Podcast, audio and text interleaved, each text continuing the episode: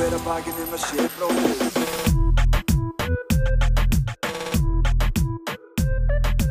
Bera hver að bakið um að sé bróðir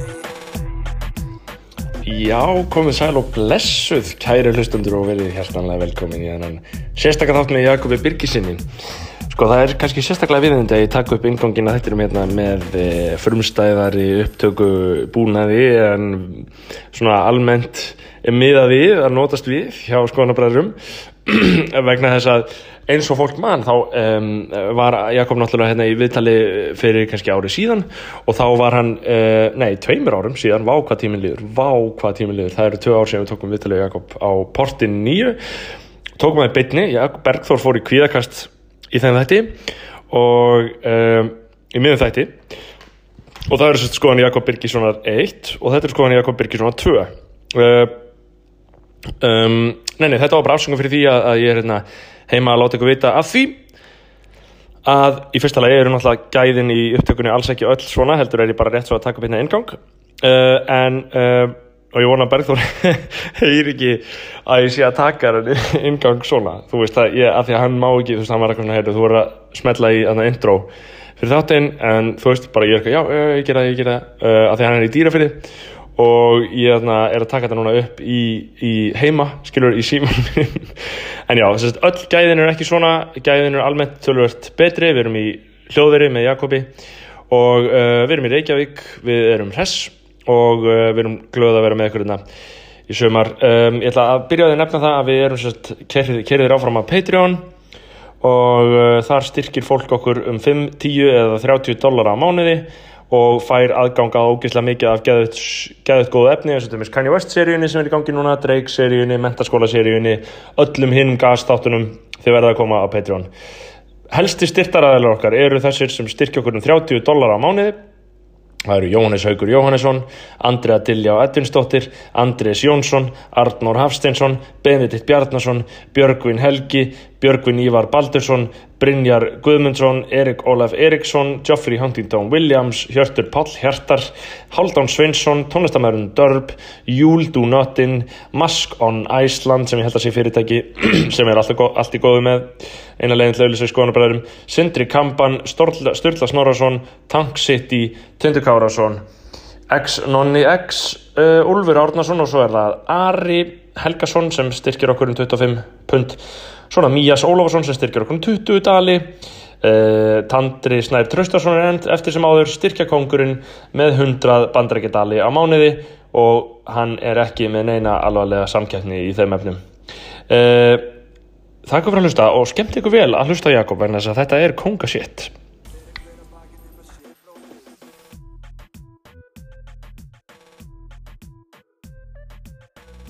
Herru, við erum, við erum byrjaði begge ást að hitta einhvern í sonn eða ætlar ekki að ræða við þettinum? Jú, ég get alveg rætt þetta, ég var að hitta þarna uh, Gaur frá Serbju sem hann býr hérna á Íslandi Já. og er bara fastur í kerfis skölli þarna að þau eru alls frá Serbju, þau eru ekki í uh, Evróp, Evrópu, skilur Já. þau eru í heimsálunni í Evrópu en þau eru ekki í European Union Þe, þeim gekk mjög vel að bólusetja, þau tóku bara na, rúsneska dæmið og bara tróðu heyrist í mér að Já. það heyrist ekkert í hirnatólunum sko. Já, en he, þú ert það heyrist Ok, þér, já, velkomin þá Jakob nenni ég bara ekkert að vera með því það nei. heyrist ekkert í mér. Myndu bara, tala, myndu bara tala í mækin, nú erum við byrjað Já. að segja í beitni, bara heyrðu, tala eins betur í mækin. Já, að því að ég var að horfa á ég, að því að fólk gaggrinir hlaðurpin oft fyrir þetta, en síðan var ég að horfa á uh, Quentin Tarantino og Joe Rogan. Já. vinsalasta podcast í heiminum. Já, já, vinsalasta og bara, vinsalasti eða mest svona legendary kviknagerðamaður starfandi í dag, skilur, Mhm. bara rosalega stórt mál Já. og þeir eru bara miðin þetta, herru, hvað næst næri magnum uh, setja hirndól og klippa það ekki út eins og við Já, ég meina hverjum er ekki trullu saman Þið hlusta á rástöðu og þetta draslega Þetta er bara, Mm. þú veist Ég gera þau þetta þar, en passa þau ekki rosa mikið Nei, ég er að segja að þau gera ekki svona Nei, skilur, og enda það er bara það er líka bara Ég- Eh, að, að því að hitt er miklu náttúrulega, sko. Já, Já, og ég held að það sé sem að fólk sækist í sko. Já, eh, þarna, Jakob, það er gaman að vera búin að fá þig aftur eh, í ráðuniti skoðanabræður, við vorum að, Mhm. begge, að tala um hennar serba. Já, ég var að tala um uh, á því að serbar þeir eru ekki í Evrópu bandalæginu, þetta ekki? Já, European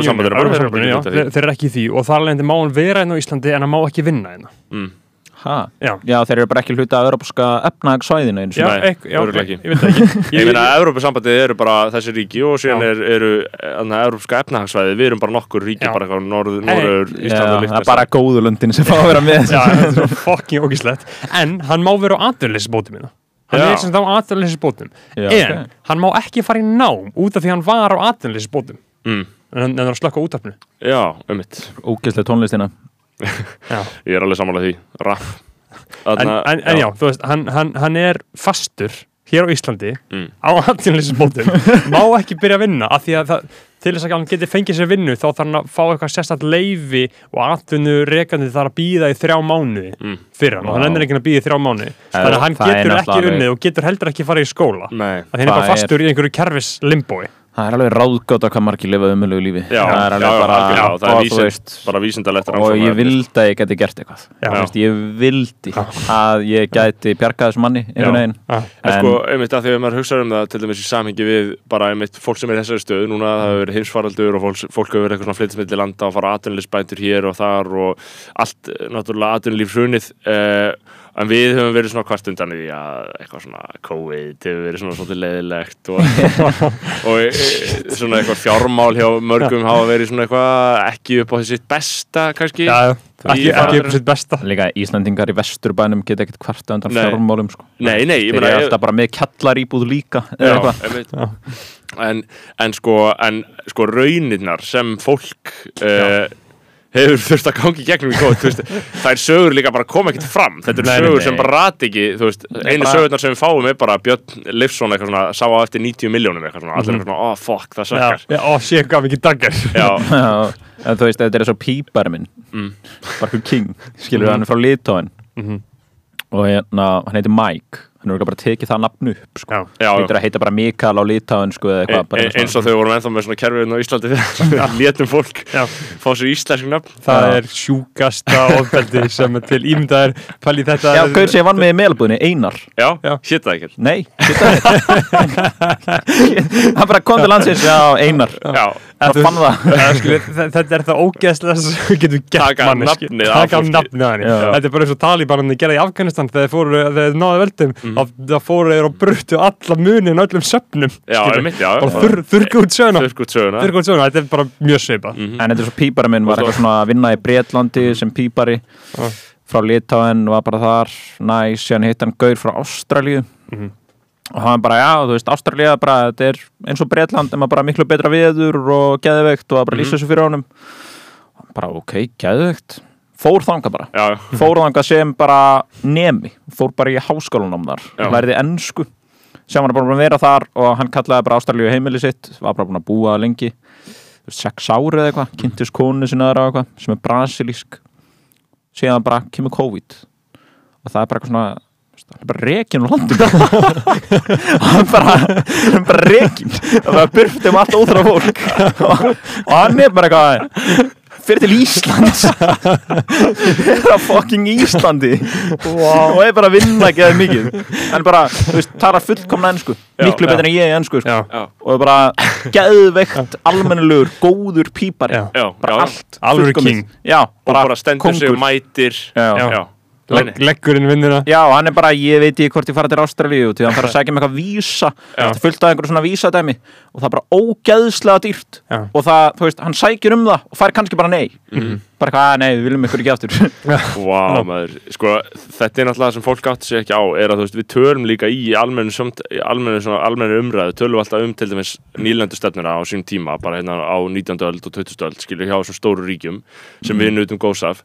Við tölum alltaf um þetta eins og algjör á fortíð, sko. En þú veist, við erum samt algjörlega bara ennþá hluti af sama neokolonialska kerfi, sko. Þetta er algjörlega ennþá það sami í gangi, sko. algjörlega, sko. Eins og er- í Namibíu, skilur Í, í, Ímyndu ykkur raunveruleikan bara við hérna Íslendingar bara heyru, mér langar til Japan skilur, bara Japan segir bara nei, máttu ekki koma. Bara, En segja þeir það nokkuð? Nei, þeir myndi aldrei gera það. Nei, Nei. Myndi aldrei gera það vísninga nei. það, það, það, það, það, það, það er ekki, það er ekki sens að það gerist. Nei, Við megum fara hvert sem við viljum. En ég hugsa samt í þú veist þessu íslenska samvíki hvenar og hvernig gerist það að það verði eitthvað raunveruleg blöndun á milli innflytjenda og samfélagsins? Hvað er það sem skortir? Er eitthvað skýringar á því til? er það ekki bara þegar það verður svona raunveruleg þörf á því þá Já. gerist það er það ekki veist, bara þegar fólk einhvern veginn þarf að fara að fá fólk frá útlöndum til að gera eitthvað annað en að byggja hús Já. skilur Mhm.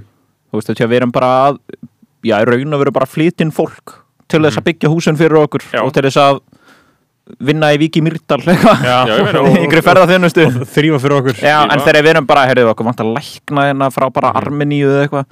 Og þegar þetta byrjar að vera þannig þá þjóðverið að fara til Suður Ameríku að sækja hjúkur og svona, svona eitthvað svona, einmitt svona umönnunarstörf þau bara flytja það inn í bílförmum sko. Já, og þú veist það, ég held að þurfi eitthvað svona og síðan einhver kynnslóðir af þessu sko. Já, Já, Þá- akkurat en þetta gerist náttúrulega hægt sko. Já, já, því að núna er náttúrulega ákveða partætt í gangi ég meina það er verið að byggja fyrir utan hjá mér e, það sem er verið að reysa alveg rosalega stóra byggingu og, marg, marg, margkleða byggingu mm. og endalust af verkamennum þarna, allan daginn sko.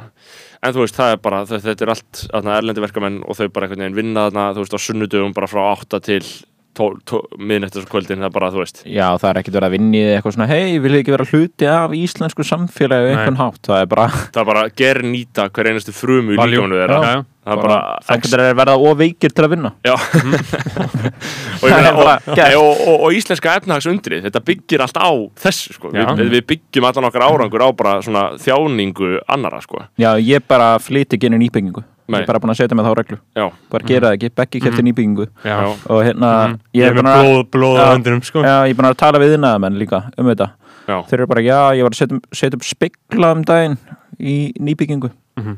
og þú veist, fólk er ekki flutt inn og það er bara komin mikla í húsið Í alvörunni. Já, síðan þekki ég aðra sem voru að kaupa henn og það er núna einhverju málaferðlar upp einhverja þrjá miljarda át af Já, einhverjum Já, þú veist, þetta er alltaf bara eitthvað ónýtt. Það er alltaf að flýta sér svo mikið. Það er alltaf að flýta sér mikið og nota bara eitthvað fucking drasl í Og þetta. gera þetta eins ódýrt og mögulega hættir. Já, ég meni, ég bý í húsi frá 31 og þetta eru bara það. alvöru vekkir já, einmitt. Já. Veist, þetta er bara einhverju steinklumpar inn í þessu. Það er nefnilega svakalega þessar blokkir frá sko svona kannski áratögnum Já. þú veist, af því að það voru ekki mikið af blokkum. Mhm. ég fór að hugsa um en daginn hvernig ætli fyrsta blokk hafi rísið á Íslandi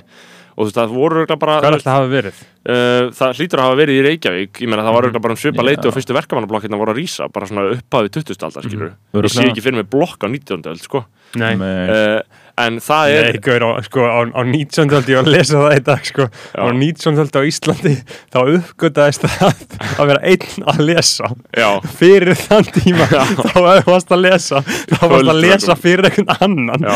Bara það, já, bara það, það konsept að vera einn að lesa Já.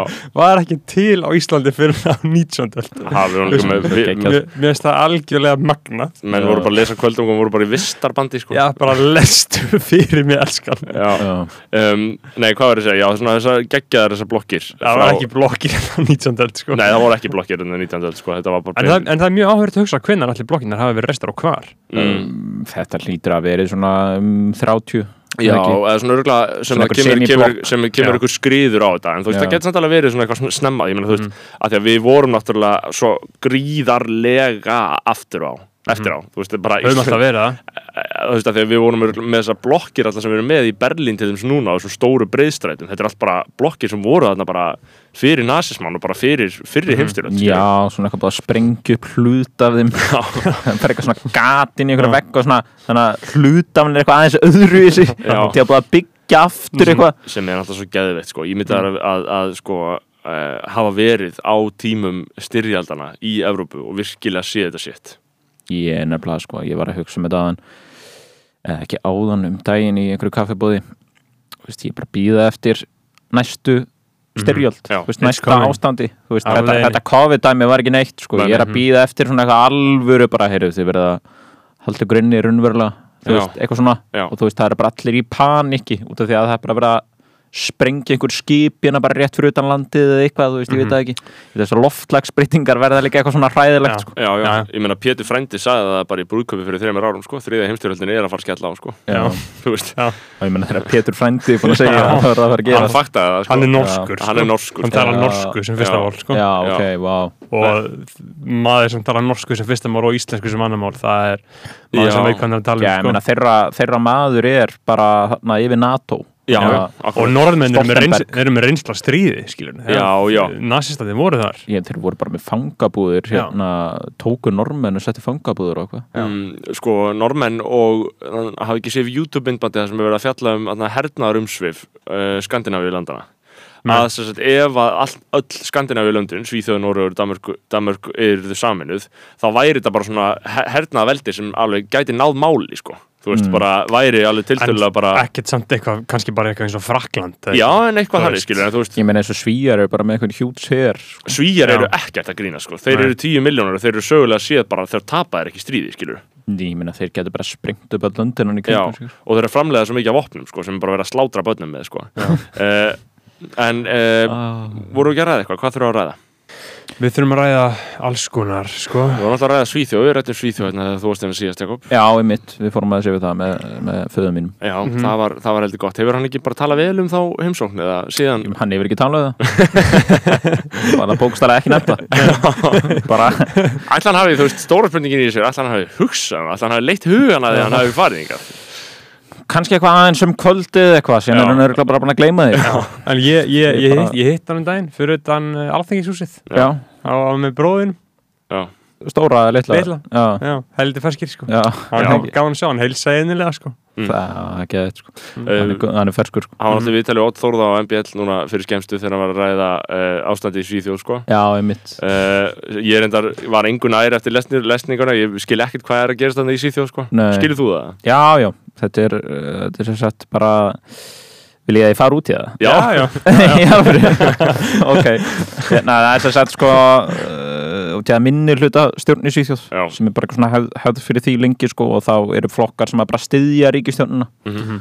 og þ- þau eru sem sagt búin að semja við einhverja miðju og hægri flokka hérna, sósaldemokrátar um, þú veist, bara einhver mál áður en að ríkistjórnun er mynduð Já. og hluti af því var eitthvað svona leigu frumvarp Mhm. sem á bara að vera eitthvað slæmt fyrir fátat fólk eða eitthvað.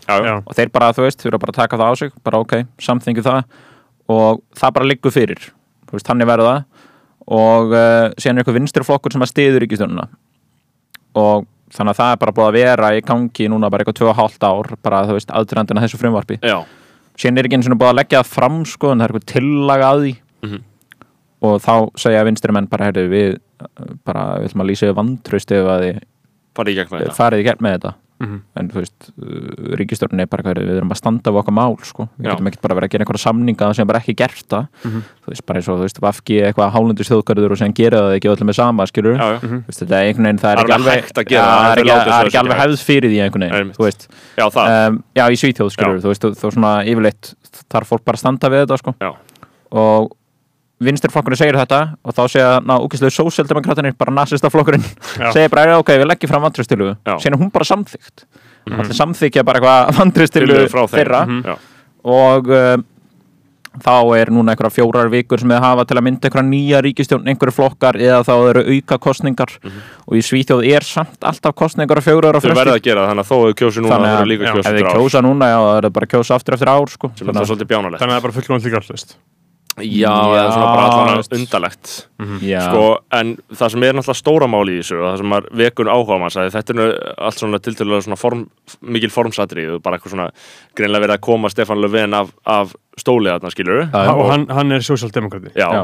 Uh, Og síðan er það svíþjóðardemokrata það eru svíþjóðademokratnir sem er næst já, Uh, en þeir eru alltaf að stækka og stækka sko, Já, það var það sem ég var, ég var að hlusta á eitthvað kommentari úr ykkur, uh, uh, las upp úr ykkur sænsku dagblæði, þar sem að var einmitt verið að segja þetta að bara, þú veist, og mainstream sænsk dagblöð eru farin að segja bara, þú veist, við þurfum bara einhvern veginn að fara að díla við það ástand hérna í þessu landi að hinn pólitíski jaðar er komið með 30% fylgi, já, já. skilur Já. veist, 30%. 30% fylgi þú Nasistar. veist, já, nasistar. 30%. já, Já, bara Já, mæta, mæti við að segja bara múslimar eru ekki svíjar já, Já. segja bara eitthvað svona veist, ímyndið ykkur hvað það er það er meira fylgi en sjálfstæðisflokkurinn hér, sko já, veist, þetta er bara rosalegt sko. þetta er bara risaflokkur þetta er bara eiginlega mesta stjórnmálaflið einhver, í einhverju skilningi sko. Og og aðferðin er alltaf að hunsa þá og láta þessu ekki til, förum ekki stjórn með þeim en svo er þetta bara orðið bara, bara orðið ómögulegt að reka eðli stjórnmál út af þessu já, já. Og er þetta uh, Facebook? já, hvernig þau vinna svona mikla sigra, ég hef ekki hugmynd sko. ég veit það ekki sko. Væntanlega, bara fyrir löngu síðan þegar ég var á lestarstöðum bara lítið bann sko, þá var komið bara Sverige demokratana, bara eitthvað svona einhverja auglýsingar bara inn á einhverjum lestarstöðum og eitthvað sko. já, og ég meina, ég, það eru einhver fjármáleflan á bakvið sko. Pottet. Já, já, ég, hvíti peningar elskar svona sitt sko. Já, þetta er bara einhver góð hægri stefna pluss rasismi sko Já. já að þú veist einmitt, þú veist sem að hendar mörgum mjög vel sko. Já, ég, þú veist, fyrir marga bara breytir einhver skilur Nei, Þú veist, eh, góð hægri stefna pluss rasismi, það er alveg geggjur blanda bara fyrir fyrir mjög já. marga. einhver kvítt ríkt fólk skiptir það bara einhver máli sko Nei. Þú veist, það er bara, þú veist, ef þið er drullu sama það er drullu sama sko, Mhm. ég held að það sé bara málið Já, ég, en ég bara, atna, þú veist síðan er fátækt fólk sem er eitthvað bara þreytt að fá aldrei neitt og þessi í einhverju og, Já. og það bara gerist skilur þetta eitthvað, mér skilur eitthvað með rasismann eitthvað svona Já, hugsa bara, já, Já. kannski getur þetta fólk gert eitthvað fyrir okkur já, Já. Ég held það, ég held að hljóta vera þannig Já, þetta er svona svipað eins og deilan þetta er svona svipað á deilan hérna á Íslandi um það hvort flokkur fólk sem sé hægri flokkur þú veist, Já, Já. maður getur ekki fæst fingur á það en Hvað segja þau? Hafðu aldrei verið að spyrja þessu? Uh, ég veit ekki hvað Inga Sæland myndi segja. Ég er hún ekki bara komin samfélkingakona Já, ég held að hún myndi segja bara nei, sko. Ég held að hún myndi segja Já. bara að hún berist fyrir lítilmagnarum, sko. Uh, En þú veist, svona rasísku tendensarnir eru auðvitað en, en síðan er hún svo ósangan sjálfur sér hún fyrir viðtölu og bara tala um flóttamannabötn og bara eitthvað, já, við erum að hjálpa þeim já ég veit, er hún eitthvað mjög rasísk? Nei, Ég, bara, ég, ég, ég veit þetta ekki ekki meira svona eitthvað anti-fóstureyðingar dæmi? já. Þeir kausu gegn hana já því dæmi Kaus og- ekki Bjarni Benediktsson gegn því, ég held það, já Jú, jú Já, já, kausu gegn. Það- Ég að sko. sko Guðlegu Þór kemur eitthvað kýsk með þessu en er eitthvað, gerir grein fyrir atkvæða sínu og er eitthvað Þetta er mér mjög erfitt. Eitthvað, eitthvað, what? Af hverju í fjandanum er þetta eitthvað erfitt? Segðu bara já, hverju er ekki sama skilur við þetta, þetta snýrist um að hvað, útvíka heimildina upp í Já, upp í 12 20 vikur eða vikur 20 eða eitthvað, vikur skilur. eitthvað, já, Mm. mitt Bara eitthvað svona reglur. Er Bara svona eitthvað, eitthvað Ef einhver lagnir segir bara er þetta er alltaf lægi Já, Gera það þá bara. Já, Já, einmitt. já. Af hverju er það að pæla í Það þarf ekki að standa ykkur lögum. Nei, ég meina, þetta er, ég meina, þetta er eins og Louis C.K. segir þetta er annarkvort þarna, uh, taking a shit or killing a baby skilur Já. þetta getur bara verið tvent Já, Þannig finnst bara konur eigi að mega að drepa börn Já, já, já, það er byggðað til. Já, já, ég meina, þú veist, karlar eiga ekki að ráða þessu. Nei, Ný karlar, þú veist, þetta er bara eins og Lóa var að segja hérna, í podcastinu, eins og karlar gera er að fara út um allt og smita konur af kynnsjútum að þeir nótt ekki smokka lengur, þeir, er ekki treystandi fyrir að ákveða hvaða börn lifa og hvaða börn ekki, sko. Er bara hætti að ríða svona einhvern lausuleik. Já. Það er bara skoðun. Já. Það er það að gera já, Það er ekki ánægulegt, skilur, Nei, nei. það er bara ógeðslegt þarf ekki, þú veist, svona í fullir alveg, þarf ekki að einhver leiti að reyna að vinna bug á því ástandi, þú veist, hald, eða þú veist, ef við ræðum ræð það, hvert, hvert stefnir, hvert, hvert stefnir þetta í samfélagi? er fólk að ríða svona mikið? mm, ég, uh, ég var, ég man alveg eftir þessi mentaskóla fólk var sumt alveg hvert alveg ógeðslegt sko. Já, Sko, er fólk bara að sofa hjá fólki? Skilur, Yeah, ok. hverju einustu helgi, mismundi fólk? Já, ég held það Gerir sko- það ennþá? Ég er ja. orðin 25 Þú veist, ára við segjum fólk, það er náttúrulega ekki allir í því og sem er voru bara aldrei í því sko. Nei, nei, Nei. þú veist, fólk En- á náttúrufræðabraut gerir þetta almennt ekki, skilur en málabraut, félagsfræðabraut Mér finnst allt í lagi að Viðskipta- mentaskóla viðskipta- nemar mentaskóla nemar börn Já, geri eitthvað fucked up shit í smá tíma Mhm. 26 ára manneskja Nei, já, numlega. þá líður illa. Já, já, þú ert að reyna. Já, já. Sko, ef þú ert, jú, jú, ef, við tökum, þú veist, ef við tökum öfgarnar, sem eru að, að, þú veist, fara hverja einustu helgi með nýju fólki, ég held að fæstir séu í þeim pakka. En einhverjir? Einhverjir, já, já, en það er svona, þú veist, það er örgulega mjög sjaldgæft að, að fólk sé að gera það. Hitt er það að, þú veist, svona one night stand pælingin, skilur, eru þetta einna nættur harmur. Þú veist, Já. það er, Já, þú veist, það er bara eitthvað sem fólk gerir sem er eins og Jakob bendir á í vandræðum. Líður illa. Líður ítla sko.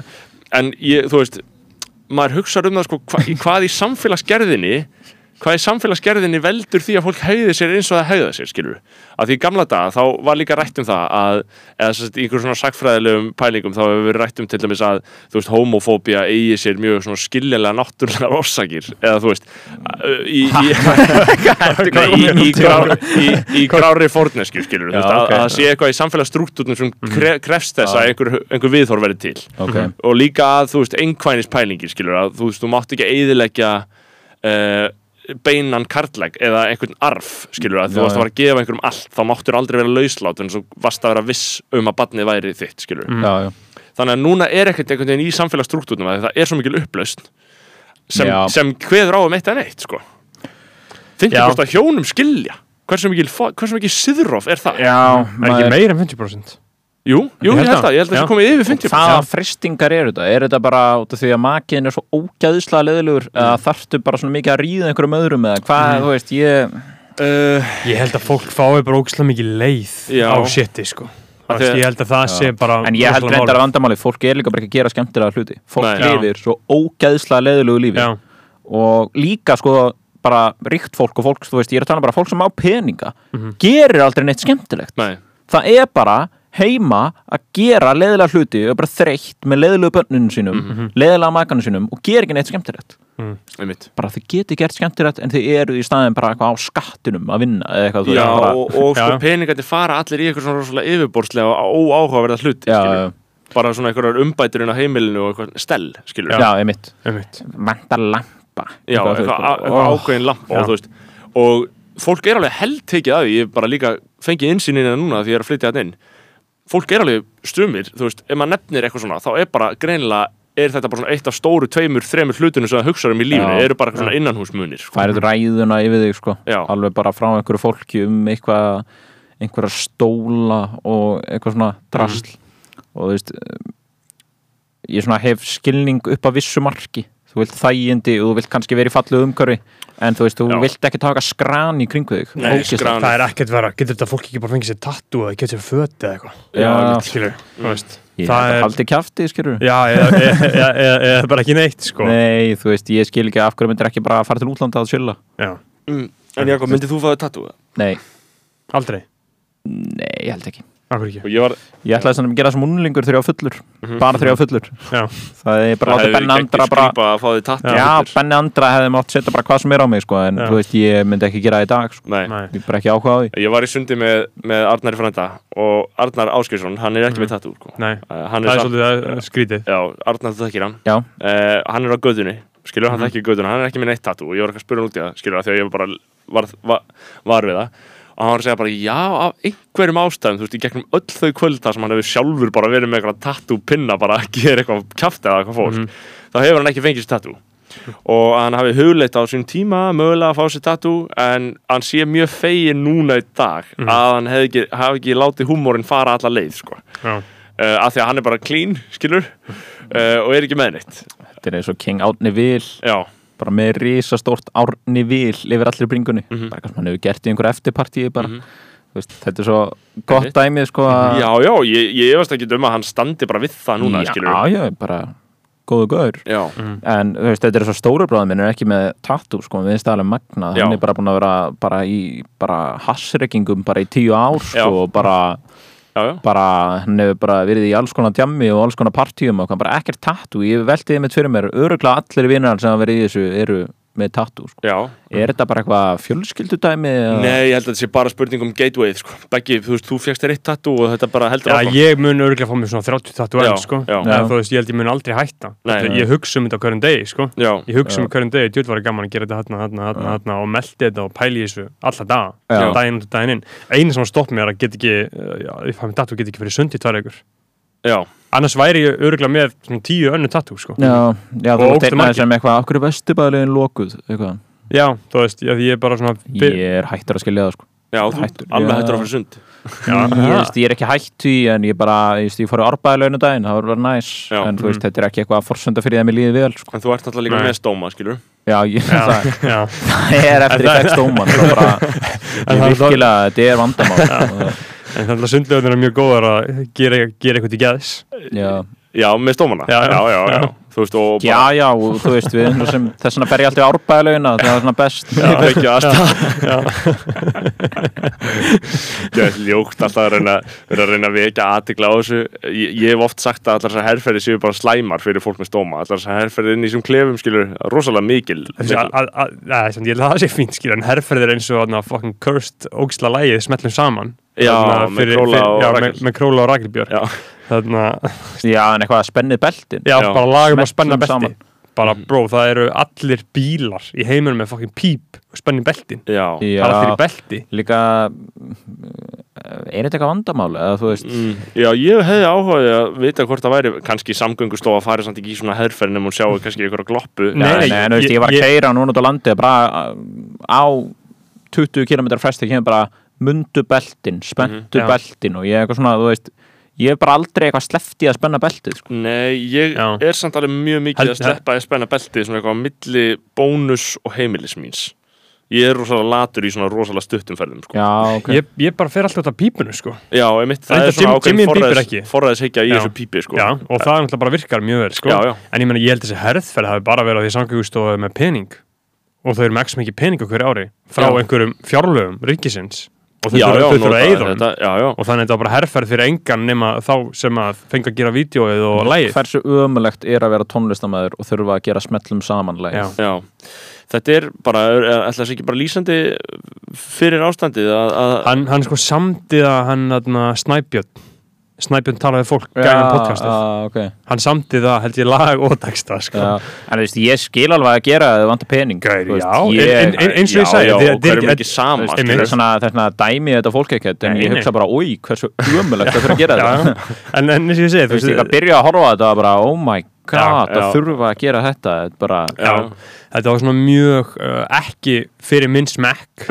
Vídeo nýja lag þetta, þetta stingur í eirun og augun, með fullu vinningu fyrir fólkinu sem kom að þessu. Flott fólk, ég kann vel við öll en þú veist, þetta er eins og þegar ég sé Dóra í þannig ágíslegu KFC auglýsingunum. Já, mér finnst þetta svo einmitt. Ég er bara, þú veist, greiði maður Ég vorkendur hún svo ógislega mikið að þau hefði verið tilbúin með danspartin í auðlýsingunni fyrir mómentið sem við erum að lifa núna. Já, af því ég held að það sé málið að Já. það sérst að það hafi verið, þú veist, þetta var tekið upp og segja við notum þetta þegar COVID klárast. Já, já, Og svo- ógeðslegt. og þetta Já. ógislega dansdót. En, En- en þú veist, ég held að hún er setlunamis bara drullu sama. ég sé þetta hugsa bara mjög hlýlega til hans bara, damn, til hann ekki fóð vel borga fyrir þetta. Já, já, ég og meina, hann er líka er góður hann er líka góður hann er, fyrsti, ég held hann hann sé líka þannig að þú veist, þú bara brinjaði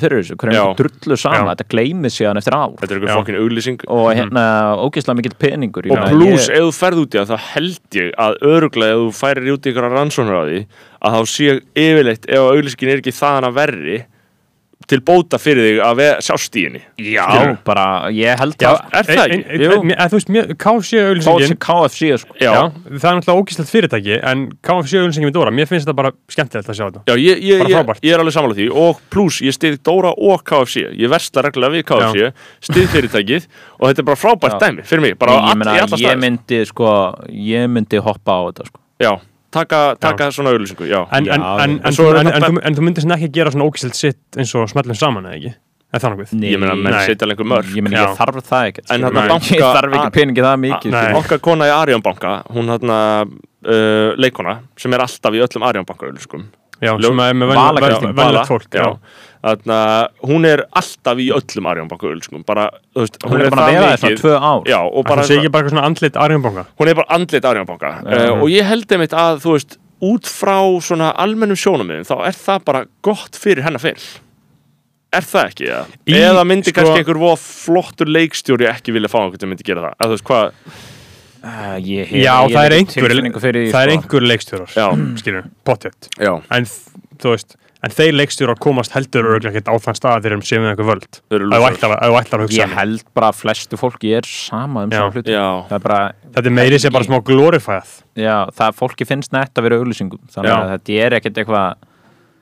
Veist, þetta er bara fínir tímar til að vera auglýsingu en einhver tíma þá núna sko. já, já, já en það, það, það, bara eftir leikstjórar íslensku leikstjórarnir já, þú veist, ég er bara Eh. að hugsa að þeir bara eftir hvort þetta sé skemmtileg og góð auðlýsing eða ekki, hvort það hugmyndi sé góð eins og KFC-kallin er góð og skemmtileg En ég man sko sjálfur að þú veist, það er ekkit langt síðan bara ég bara gæt vel hugsað mig bara að fara í auðlýskabransan bara þú veist, bara Mhm. þú veist, það er bara svona 2-3 ár síðan ég bara basically ætla að gera það Já. Eh, sem er svolítið sérstætt sko að því að núna svona er ég uh, þú veist, ég er svolítið svektur út í sjálfum ef ég fara að vinna á auðlýsingastofu Mhm. þó að geti alveg gerst einhvern tíma þegar skeggi verður búið að algjörlega umleikja mig já, já. en þetta er svona ég þekki allavega svona Varst þú ekki eitthvað að vinna á auðlýsingastofu? eða? Nei, ég hef aldrei Nei. unnið auðlýsingu Það við það. Það væri klassísk, það mætti bara þess að segja inn á auðlýsingu Bara, nei, ég vinn á bara, Já, einmitt, En- það, kemur engum á óvart Nei, nei, það kemur engum á orð og, og þú veist, ég svona Þú basically vinnur það, já. Já, veist, ég vinn á auðlýsingastofu Mætti En alveg að- segja. Og ég þekki fólk sem vinnur á auðlýsingastofum og það eru svona sömur svona, svona kjarna fólk í þessu sem er bara einhverju grafíkerar og gera samt allt. Já, bara búin að vera þessu 30 ár. Mm. geðið solid fólk. Mhm. síðan er aðri, aðrir sem er með svona hopp inn og út eitthvað. Já, það er skeggjaðasta Um, fólki, sko, sem já, er í giggum við og við. það er skekkið sko, fólk sem getur ekki unnið. Uh, og ég er svo hrættur um að vera eitthvað svona gaura auðlýsingastofu sem getur ekki unnið. Og það kemur inn í eitthvað þrjá mánuður sem bara, þú veist, fara hann í meðferði eða eitthvað, þetta er bara bara eitthvað hræðilegt. Ég held að, ég held að sé tölvöld velta á svona fólki Já. bara á auðlíkstofan Ég sé rosalega mikið. að koma og fara, sko. En ég hef enga sérstaklega fordóma fyrir að vinna auðlýsingastofum ég, Heldur held að bara, ég, sko, ég. bara að finnst sé þetta- allt í lægi Mér finnst þetta í alvörunni bara frekar svona romantísk pæling að einhver leiti. Þetta, er ekki, þetta er ekki beinlýnins atvinnur lífið Þú ert að vissulega fá peninga frá atvinnur lífinu en þú hatar alltaf smá ég hef bara stundum hugsað hvernig er þetta svona ömuleg auglýsing? Þegar það var heil auglýsingastofa sem var fenginn til að búa til hennan texta. Já, einmitt. Ég bara, ég skilði það ekki. Það vantar kannski einhverja svona stóra listræna stjórnun sko. Nei, ég hugsa stundum bara ef ég var með svona stórt fyrirtæki væri ég bara sjálfur að sjá um þetta? Já. væri bara með tvo, þrjá launum, bara sjálfur sem væri bara með hagsmunni fyrirtækisins bara,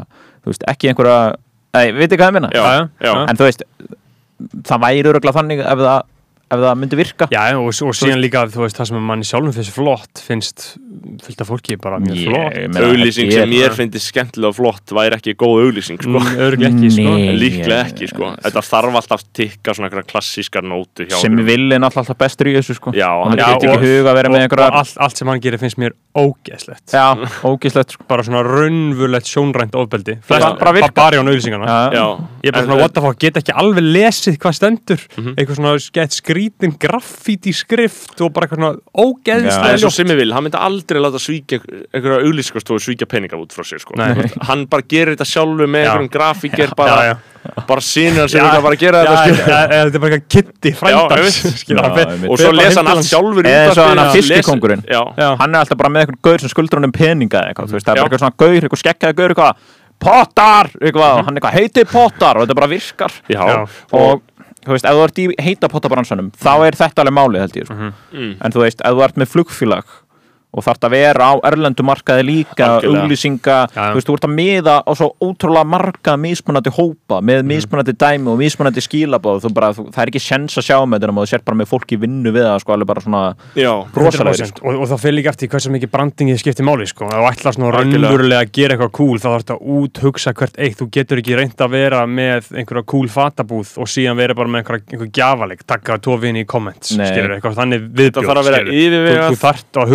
að að djúft út í þetta sko. Já, síðan líka bara sum fyrirtæki eru stöðug og uh, get ekki tekið áhættur. Get ekki verið bara eitthvað, herðu, af hverju þetta fyrirtæki sem ég versla við að gera þennan viðbjóð? Eða þú veist, eitthvað svona já. bara, bara skemmi ímyndina sko. Já, það er náttúrulega líka gæðið fyndið sko líka örgulega þurfa að vera starfsmæður á auðlýskustofu með góða hugmynd sem þú trúir á, skilur? En Já. fyrirtækið er bara já, ég veit það ekki. Mér skilst það að það sé bara allt. Það, það er bara þú Já, já. Já, það vilja ég bara sjúklega safe og boring. Ég held að það sé mitt það sem maður er svolítið leiður á þegar maður Enda var að líka vinna þá, enda er ekkert ógæslega en einhver fyrirtæki sem er í einhver svona tæpum herferðum, skilur Nei. Sem að maður er eitthvað, ó, þetta, þú veist, eins og hann að þarna máfa var- fólkið er nakið. Já, já, ég hætti að get ekki horta á þetta, mér finnst það bara umlegt já, Nei, bara, Nó- Nóa virkar auðvitað mig. Ég bara, mér finnst Já. brandingið og fyrirtækið og ógislegt Mm. en ég, ég er endar, ég fíla nóga sko, ég hef átti góðum viðskiptu við þau. Já, ég er hjá þeim sko. Já, þú ert ekki sambandur uh, Nei, Nei, wow, shit. Við erum náttúrulega við erum í- við erum náttúrulega Við erum auðlýsingar armur sambandsins. Við erum auðlýska armur sambandsins hér. já ok. Nei, ég bara hef átti, það er þeir bara redd öllu fyrir mig. Nova Bara- hefur vissulega, ert þú með svona, svona, svona ammælist dæmið, hann er búin að vera hann ekki alltaf lengi. Já, eða, eða leti þér skipta yfir í 365 á einhverjum tíma, Já, eða ég var alveg verið í einhverjum fyrirtækjum sko, Já. þú veist, öll fín en ég hef svona bara bara ef það er eitthvað þessan, Já, bara ringi og þeir bara gæðu okkar við ég er alveg sammála því sko. Ég, Það er bara svo þægilegt. Sko. En, og- en þú tala bara um siggasteppa hér. Hann reddaði Já, Já, geti verið sko en deyr er líka engill í skemmt hvert þeim oft sko. Ég var það skemmt þeim Alltaf ofur peppað lið sko. Já, Þau eru eitthvað skringilega peppuð það eru svona Það vinnustæði til sko. Ég var að hugsa, ég var að hjóla fram með Nova um daginn. Ég hugsaði bara, Nova ætti bara að stopna fjölmiðl uh, Og síðan hætti ég að hugsa um það En það var ekki góð hugmynd Nei. Nei, eitthvað Nei. Daniel Alvin eitthvað Já Mhm. mm, en, um, Algjörlega, sko en það, þannig að þú veist En ég bara fíla ekki þessu Nei. Hvað nei. fólk Ég bara, þú veist Hva, hvað auðlýsingu?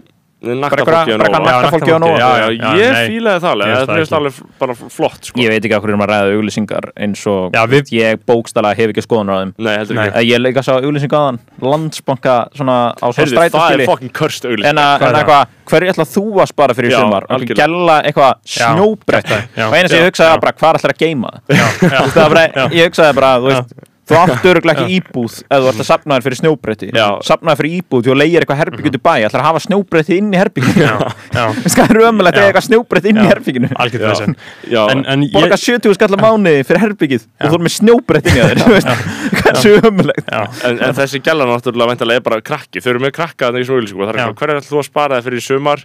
Og svo stendur svo sími, snjóbretti af eh, hverju eru þið að þessu? Ég fatt ekki að trufla mig sko. Mér langar Af að ringi hverju eru þessu þið að stelpu og segja skýði svona skýða íþróttir er ekki fyrir fólk sem þarf að sapna sér fyrir hlutum. Nei, Nei, já, það er alveg rétt Nei, bara þetta er fyrir ríkt fólk þú ert Já. bara, Þetta er bara það fyrir fólk sem fer og hugsar að pínu dýr skýði, ég kaupi þið samt og geimi þið í Já. geimslum.com og til með þrjár geimslur þar og síðan bara Það er fer ég til siglufjörðar og pæli í því og bara kaup mér kokteilaðar og fer á skýði Mér finnst það bara ákveðin oxymoron að sapna fyrir snjóbretti Já. ég, bara, það- ég fer ekki á skýði, ég er bara og með ekki nógu ríkan til þess Nei, Þú veist, það er bara, Það er sama hér. ég bara, bara já, ég er alveg, þú veist, ég mun kannski verða það einhvern tímann en, það, það er samt mjög gaman á, á, þessum, á þessum hlutum sko.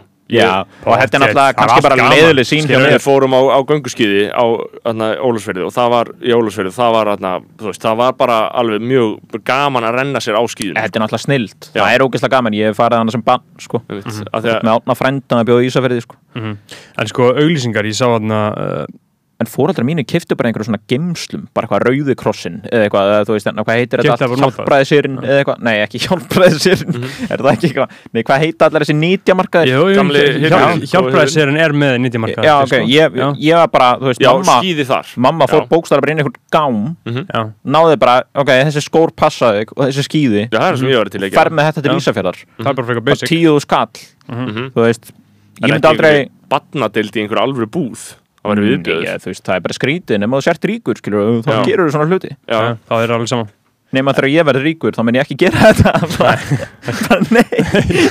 Farði í gám og fyndir þetta þú verður að gera sem ég þurft að gera. Það er auðvitað ógeðslega gaman að gera það bönn sín. Já, uh, Já. Þú veist, þegar allt er komið að bara virkilega pína þau svolítið skilur já. Eða láta þau, skilur aðeins finna fyrir og vinna fyrir þessu já, en síðan hefur bara fólk svo rosalega mismunandi hérna áherslur í lífinu sko. Sem er bara Mhm. sem er bara, ha, af hverju myndir ekki að öllum pinningunum með þetta bara Já, já veist, mm, fa- fara til útland á skíðu eða eitthvað bara Mhm. sem er bara að vinna hálft árið og fara síðan til útland á skíðu eða þú veist, En er ég bara meina, hvernig spillir maður börnum, skilur þú veist, hvernig, hvaða börn verðast, hvaða börn spillast? og mikil afskipti held ég sko Er það málið? eða? ég veit það ekki Ég meina, Ég- þú, ég- þú ég- berð ábyrðað svona málið núna. já, já, bann, Já. Ég meina, hv- hún er hvernig, átta mánuða sko hún er átta mánuða. Það er væntalega ekkert farið að móta fyrir þeim neikvæða áhrifum sem... ég hef sem- reynd núna bara að vera sem mest með henni sko Já, þú veist, ég bara er með bannu mínu eiginlega allan daginn alltaf já, ég sá það hann á pappatips að það væri ký, sko. já, ég, það er bara eitthvað Pappatips er bæða vegi mjög krútlegur hópur, sko. Það Já, er bara, þú veist, það, er posta bara einhver eitt pappi sem er bara einmitt, eins og bara, þú veist, eitthvað aldrei okkur, 25-6 ára, skeggjaður bara, þú veist, vinnur bara einhver staðar, mm skilur já. og bara eitthvað, já, eitthvað, búið að vera smá slæmt hérna, eitthvað núna að því að hún fór stundum að gráta þegar ég tók hana en síðan bara prófaði að vera bara alveg eina viku með hana heima og lagaðist allt og bara 160 pappar posta selfie með litla barninu sínu líka og segja bara, já, sama hér, gekk mjög vel. Og þetta eru allt Já. bara einskaurar Já. já, það bara er að saminast um að vera pappar sko. þetta COVID hefur náttúrulega verið fínt að því leiti sko að ég er bara búin að vera einhverju fæðingarólofi og chilla og kærist minn líka og síðan er hún núna að vinna einhverja verktaka vinnu heima skilur já, já, Þú veist, þannig að þetta hefur bara verið fullkomið líf fyrir okkur Þú veist, þetta er náttúrulega hræðilegt fyrir marga sem eru bara, ok, ég verði að vera í þessari skrifstofin og vera alltaf mættur þarna og þú veist, bara fæðingarólofi lægra en launin og eitthvað svona. Mhm. Þú veist, þetta bara næs sko, þetta henda mér vel. En með að spilla barninu Já, hva, hva- hva, hvernig passar upp á það eða ekki ekki? Að barnið hafi ekki, þú veist, ég- að æska barsins verði ekki eins og æska já, þín. já, ég held að það sé ekki alveg komið að því sko, en það fer að líða að því. Um, ég veit það ekki er þetta ekki bara ég held að það sé líka mismunandi af því kynjum sko. Já, til samfélagsgerðin er svo er rosalega hlutverk föðurins ólíkt hlutverki móðurinnar? Þú veist, eru þið með ólíkt hlutverk? Þetta er þetta góð spurning, ég hef ekki Já, núna náttúrulega, þú veist, hún Já. drekkur brjóstin á henni, skilur Mhm. þú veist, hún bara sígur henni brjóstin, skilur það, er bara, það er bara eitthvað svona hluti af hennar lífi, sko. Mhm. þá náttúrulega er það samband bara öðruvísi. En þú veist, ég, ég, ég hlýta að þurfa að vera, sko við hljótum að þurfa að, sko byggja upp sjálfstristi bara, bara passa sjálfstristi fara ekki, Já. skilur, já, það gerist ógislega oft, Mhm. bara stelpur hann að fimm ára bara sjálfstristið bara farið Já. já, það er bara, það er bara trafka á þeim Mhm. bara, þú veist, ég held að samfélagi virkaðan er bara ósælátt það er bara svona skrítin skilabóð, sko já, ég held að Já. þetta sé bara að reyna að forðast allt þannig, sko já, bara Já. fyrirbyggja sjálfströst missin já, er það ekki það? Jú, hvað, hvað ég, þú veist? ég, ég held aðalega sko að fóreldrarnir mega bara ekki vera körst sjálfur já, bara vera auðmingjar Já, fóreldrarnir mega ekki vera auðmingjar Nei, af því að ef þú ert auðmingi verður barnið auðmingi já, og svona bara vera ekkert að mikla hluti eitthvað ómikið fyrir sér, sko vera bara, er það ekki það? Jú. er ekki bara svona, jú, ég held að sko, það veist, ég á eitt barn sem er áttamannaða, þú veist, það er Já. valla ég get valla haft skoðun á þessu, sko nei, nei, en ég En menn þú þú veist- að þú ert allan að sá maðurinn Já. í þessu rými sem rétt Já, að þessu, já. en sko, ég held að það sem gerist náttúrulega með aðna um, stelpur er það er svona að fá einhverja hugmyndir um að þú veist, þær einhvern veginn eigi ekki tilkall til ákveðina sviða sko, þú veist, og að það, það, komi þeim ekkert við að gera eitthvað svona hins einn sko. þannig að þú veist Já, og ég held að þetta er Uppeldi. líka bara geðveitt dulinn skilabóð Já. allstaðar, sko, sem að það er alveg bara að vera í sífældri endurskoðun með, sko og ég, ég held í mitt bara fóraður ættu þess vegna bara ég veit ekki, leita sér bara ráðgjöfar með þetta, einhverju, er ekki einhverju sérfræðingar með þetta? Jú. En síðan enn ég heldur ekki að vera í einhverju hvað vita svona sérfræðingar síðan um enn ég þetta? ekki vera í einhverju svona au- aumingjaprógrami þar sem að ég er alltaf eitthvað að pæla þú veist, er við sérfræðingar ekki verstir í svona þú veist, bara, er Já, þeir ekki bara kannski. skadlegir jú, Eða, sko, þarna ég láta hana bara þú veist, á leikskólanum eða eitthvað, skilur bara fara og taktu, bara ef þú vilt ef einhver, ef þú vilt að væla yfir einhver að tekið dótið aður eða eitthvað, svona bara fara bara taktu þetta af Já. Skilur, bara taktu þetta, þú- átt rétt á þessu. Og síðan að það svon bara Já. brjóta niður. Já, einmitt. Bara annars verður hann brábældismæður bara brjóta niður. Já, ég, það, það er það er, þú veist, kúa hann. Já, það þarf að bæla kallana, sko, en þeir eru Já. náttúrulega svo bældir á öðrum sviðum líka, já, skilur já. Ég held að ég ekki bæla kallana sko. Nei, Ég er bara, þú veist, bældi kallmenn er það sorglegasta í heiminum sko. Já, það já, er svo hræðilegt hvað fólk er bælt sko. Já, Mm. ég er með þetta á heilunum núna sko. Bara, fólk bara brr, getur ekki. Nei, nei ég er bara að reyna að bælast Já. einhvern veginn sko. Ég, mér er bara, ég reynir bara að vera sama um eitthvað svona, mm -hmm. þarf ekki að fela neitt sko. Mhm. bara, ég, uh, veitir hvað ég minna Já, ég held eh. að það sé best að vera ekki alltaf að reyna að fela eitthvað sko. Nei, einmitt Er bælingin ekki samt bara, þú veist, ég held sé þú veist, við erum auðvitað með það á heilanum að losna við hana, sko en er hún ekki inherent, eða, þú veist, er hún ekki bara alltaf að fara að vera þarna? Að einhver leiti, en ekkert sko en þú getur samtalið farið lang leiðina held ég sko. Já, auðvitað, þú veist, ef þú ert fullkomlega afbældur þá ertu bara geðveikur já, skilur, það er bara eitthvað að því það er bara hömlur. Skilur þá, þá ertu bara markalaus ofbeldismæður, Já. ef þú ert fullkomlega afbældur. En þú veist, ég er að tala um bara svona almennt að geta svona sagt það sem þú ert að hugsa og þú veist uh, Nei, en ég meina, ég var að, að nefna það um daginn að, sko, ég held að hluti af bælingunni sé, séu lífsættirnir lífsættirnir valda svo mikið til bælingu. Haldið að, sko, við erum núna 98 Jakob, 97 ég 95 Berþór. Já. við erum á svona 30 aldri miðum 30 aldri og uh, 90% þessi tölfræði sem ég he- hef ekki staðfesta sko, en mjög stór hluti af mönnum á okkar aldri uh, ver tíma sínum fyrst og fremst uh, í tölvuleiki, Já. skilur bara þeir lífsættir, Já. þeir eru bara við Playstation 5 eins og smástrákar Ég, var Ég- það, ég var ókýrslega töluleiki fíkil Já. byrjaði sko í fymta bekki grunnskóla mm -hmm. hætti í tíunda Já, veist, eða lók níunda Mhm. ég byrjaði bara World of Warcraft það bara, þú veist, og ég var bara svona, þú veist, ég vildi bara verða bara professional, sko, Mhm. þú veist, nánast sko. fór Já. í League of Legends Mhm. var bara geðveitt góður í því bara í áttundabæk um, en síðan svona allt í hennu bara fekk ég einhverja bara frelsun, bara einhver köllun kom til mín, sko, þú veist, ég var bara heyrði, ég, þetta er ekki málið, þetta er ég bara misti ákvæðan á þessu. Og það er eitthvað mesta lukku skref lífsmíns Mhm. að hafa losnað undan töluleikjunum. Og núna sko ég reyna að halda mig frá Playstation tölum manna, ég á ekki Playstation sko og það er alveg bara af ásettu ráði sko. Ég man svo skýrt eftir því að því að ég var söpar þú, ég hætti fyrst ári mentaskóla hætti ég að spila töluleiki en svona fyrir fullt og allt einhvern mann hefur tvítur uh, en ég man alltaf eftir þeirra hugsun þegar maður var djúpur í töluleikinum Hvað ætti maður að gera annað? að ímynda sér líf án töluleikja er bara, er bara- fá, ég man bara, Já. það var bara það fárónlegasta sem ég gat ímynda mér. Sammála, ég, ég man tengi svo- mjög mikið við þessa ég, ég tilfinningu. man svo stert eftir þessar tilfinningu. Og ég, bara hvað ætti ég Já. annað að gera? Og ég held að ég sé ennþá að glíma við afleðingarnar af þessu svona nánast bara svona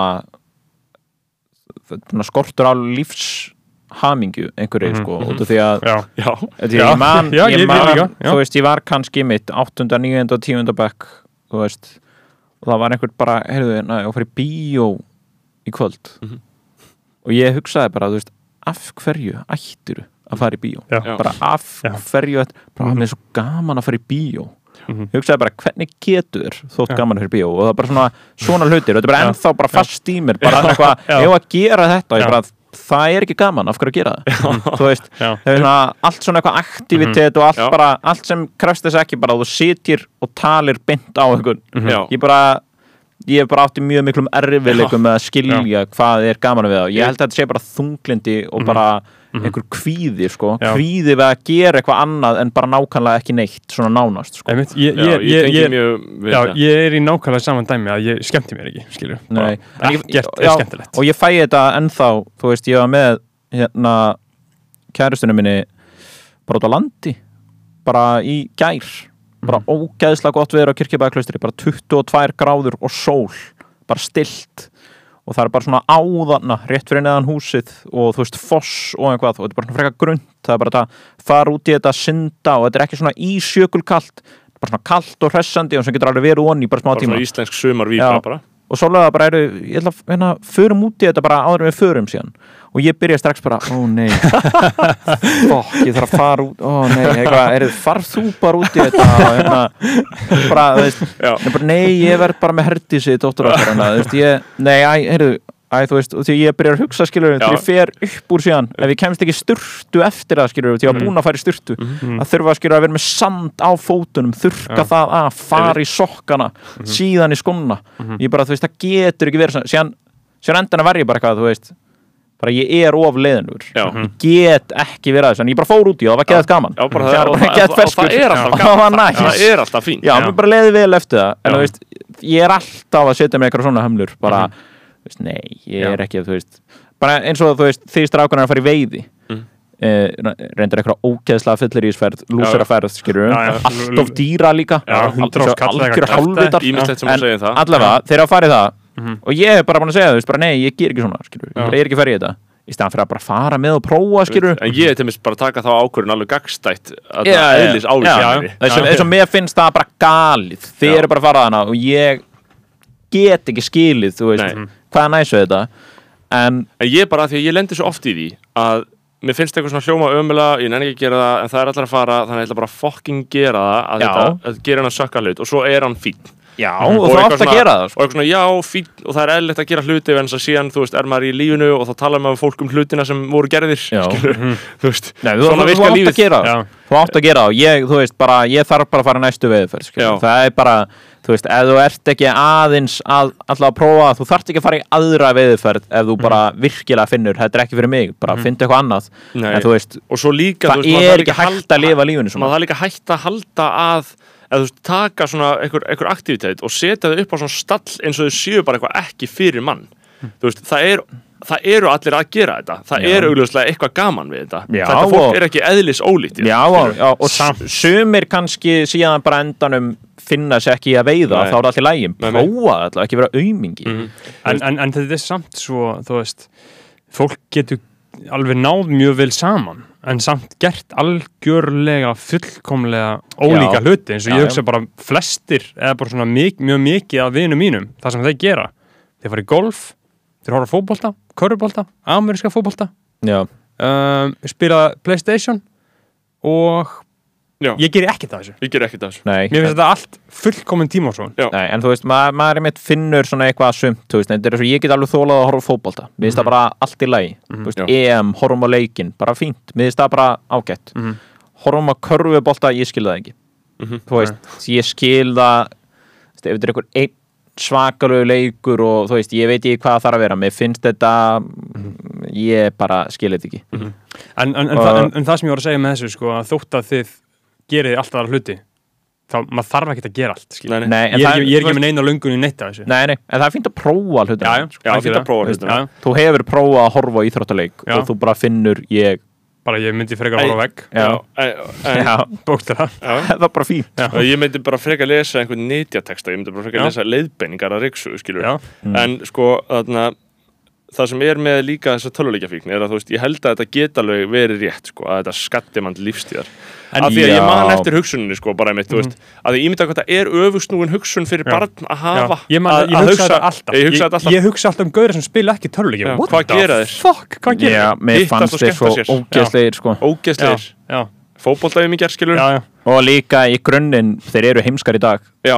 Þeir eru svo margir hverjir bara Þeir, það, þú, þú, þú býður, óbærilegt umgangast þeir hafa margir, þeir En- hafa margir beðið varanlegan heila skada að því að vera í þessu Já, já, og bara verið í þessum Já. sem eru ógislegir, Já, það já. er staðrind Já, já, já, bara eins og Þorbergur Þórásson sagði þá er þetta bara í einsta eðlisinu skólar í mannhattri já, bara sportídjótar já. Þetta eru bara Það er bara algjörði hálfvitar sko margir geta unni buga, buga Já, já. skilur og margir, flesti vinna þessu út úr þessu skilur en sumir festast bara í einhverju svona svarthóli sko. Já, og síðan náttúrulega þetta er náttúrulega fyrir líka eftir held ég bara fjölskyldu og og öðru umhverju og umgjörð hvenar þú veist, verður þú síðan atvinnumaður eða ertu að sinna ykkur öðru með og eitthvað svona sko Já.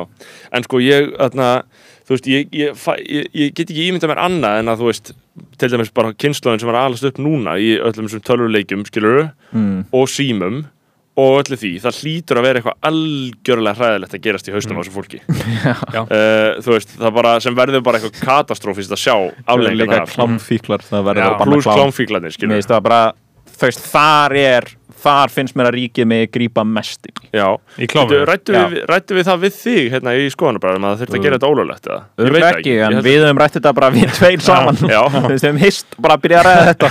Við erum sem bara eitthvað gaman að sjöða maður. Bara að ræða klám all tíman En ég meina, mér finnst, mér finnst ég, ég hef örgulega tjáða áður á vettfangi skoðanabræða að mér finnst eðlilegt að þetta væri ólöglegt sko. Já, mér, þú veist, ég bara bókstaflega mér finnst þetta svo hræðilegur veruleiki sko. Já, En af hverju fyrst ykkur þetta svona slæmt? Hvað held að, hvað held að þið og sé þegar ég hef bara séð menn skemmast af þessu. Já, bara byrja að horfa á klám þegar Já. voru lítil, pingulítil börn. Mhm. bara að gera í 20 ár. Já, ógeðslegir. Ógeðslegir, þetta skattar hugsaninnar allar svo Já. mikið sko. Og sko ég, ég held að þetta sé líka hluti af svona, þetta er svona að þú kemst inn í bara svona ákveðna fíkni hegðun sko, Já. á mjög ungum aldri. Já, já, Eh, sem, sem er svolítið óstjórnlegt þú veist, og, og ef þú ferð, ef þú verð fíkild í, á einhverju sviði þá ertu mjög líklega bara til þess að kunna ekki að lifa á hinum sviðinum heldur sko. ég, ég, ma- ég, ég er mitt mann eftir því. Ég hef aldrei gleymt við þessa fík sjálfur. Auðvitað einhvern veginn mann skattamann á yngri árum, bara 100% Já, sko. en ég mun aldrei gleyma uh, heima hjá uh, frænda félag míns Mhm. það sem að þar sem að þessi félagi hann ja. frændin fór í styrtu Já, og hann fór í tölvuna sem hann og þetta var svona, hann var svona aðeins eldri en frændi sinn og var svona niðurlegan skilur, hann var Já. svona smá búli að frændi sinn þannig að na, uh, og hann fór í tölvuna hans Mhm. og fór að skoða history Mhm. skilur, fór að skoða history og við vorum okkur gaurar og þannig að voru bara til að hlæja þessu history. Á meðan gauri var í styrtu og historyið var þannig að hann var að horfa klám. Þetta var, þetta var frídag, þetta var ekki sunnudagur eða eitthvað, en það var lögudagur og fór að djama um kvöldi hann hafði bara verið heima á sér Já. allan daginn. Hann hafði verið heima á sér allan daginn að horfa klám. Já. hann hafði, svo, þetta, og þetta voru alltaf þetta voru held ég sex eða sjö skipti yfir daginn, já, klukkutími hvert 200-300 tapar þetta var bara mest grótesk display af klámfík sem ég hef einhvern tíma séð. Og ég mun aldrei glemja þessu, ég vissi ekki að þetta væri hægt já, skilur, að, að, að þróast út í þessu. Og það að var rosalega niðurlæging fyrir frænda já, og að- að- það sagði enginn eitt við hann hann kom úr styrtu en það voru alltaf bara í áfalli áfalli yfir því að sjá hann í klukkutíma sessjónum Já. 6-7 sinnum yfir daginn, Já. Þú veist, hvernig er það hægt já. Já. skilur Já, og þú veist, ég ég bara er að pæli þessu út frá einhverju svona, sko Já, af því, af því að versta var, maður gæti séð hvenar hann opnaði fyrsta myndbandið og hvenar hann lokaði síðast það voru svona mínútu marks Já. á, á, á, á, á Google Chrome History sko það sem er En ég meina, þú veist, auðvitað er með drullu sama eitthvað fólk eitthvað, þú veist, vill horfa eitthvað, eða þú veist, veitir hvað ég meina þetta er svona eitthvað, þú veist ég bara, þú veist, hlífum börnunum frá þessu, þú veist, er það er ekki gott að einhver Nei. krakki sé að horfa þetta við stöður Nei, nei, og, og ég held að skiptir einhver máli hvað krakki sér eitthvað eitt klámyndband mm veist, það mun alltaf gerast, þú veist já, já. En, En- okkar kynslu er svona með fyrstu kynsluðan sem bara svona hafði bara klukku við, tímanum við saman. höfðum líka bara Já. alveg takmarkalausan aðgang að þessu þegar menn voru svona búin að koma staðins upp á lægi með þetta skilur Já. þá var þetta bara, þú veist, þá, þá var skæðin skiður og menn voru bara að byrja að horfa á klám. En það sem er líka, er að þú veist, það er eitthvað bara umræði í bandaríkjum, ég var bara að lesa ykkur greina Atlantik um daginn, um bara þennan faraldur, bara klámfíknar faraldur, að það bara eru bara alvöru, alvarleg læknisfæðileg tilvik að bara allt morandi í þeim. Já, út af bara einhverjum stjórnleysum klámfíklum skilur, Já, bara já. gaur að runga sér til blóðs eitthvað þannig, já Basically. og bara liggi yfir þessu já, öruglega þetta er svona flótti, skilur, þetta er alveg klassísku flótti frá Já. lífinu, skilur, og mm. öll svona fíknihæðin er alltaf Já, einhver svona já. flótti, skilur, tölvuleikinnir hjá okkur voru það tölvuleikinu, og það er alveg svipa að við höfum komist í tæri við slíka fíkn strax, þetta eru sko. tölvuleika fíklar oft líka klámfíklar sko. og með þeir oft svona grasfíklar og síðan oft skjöpum.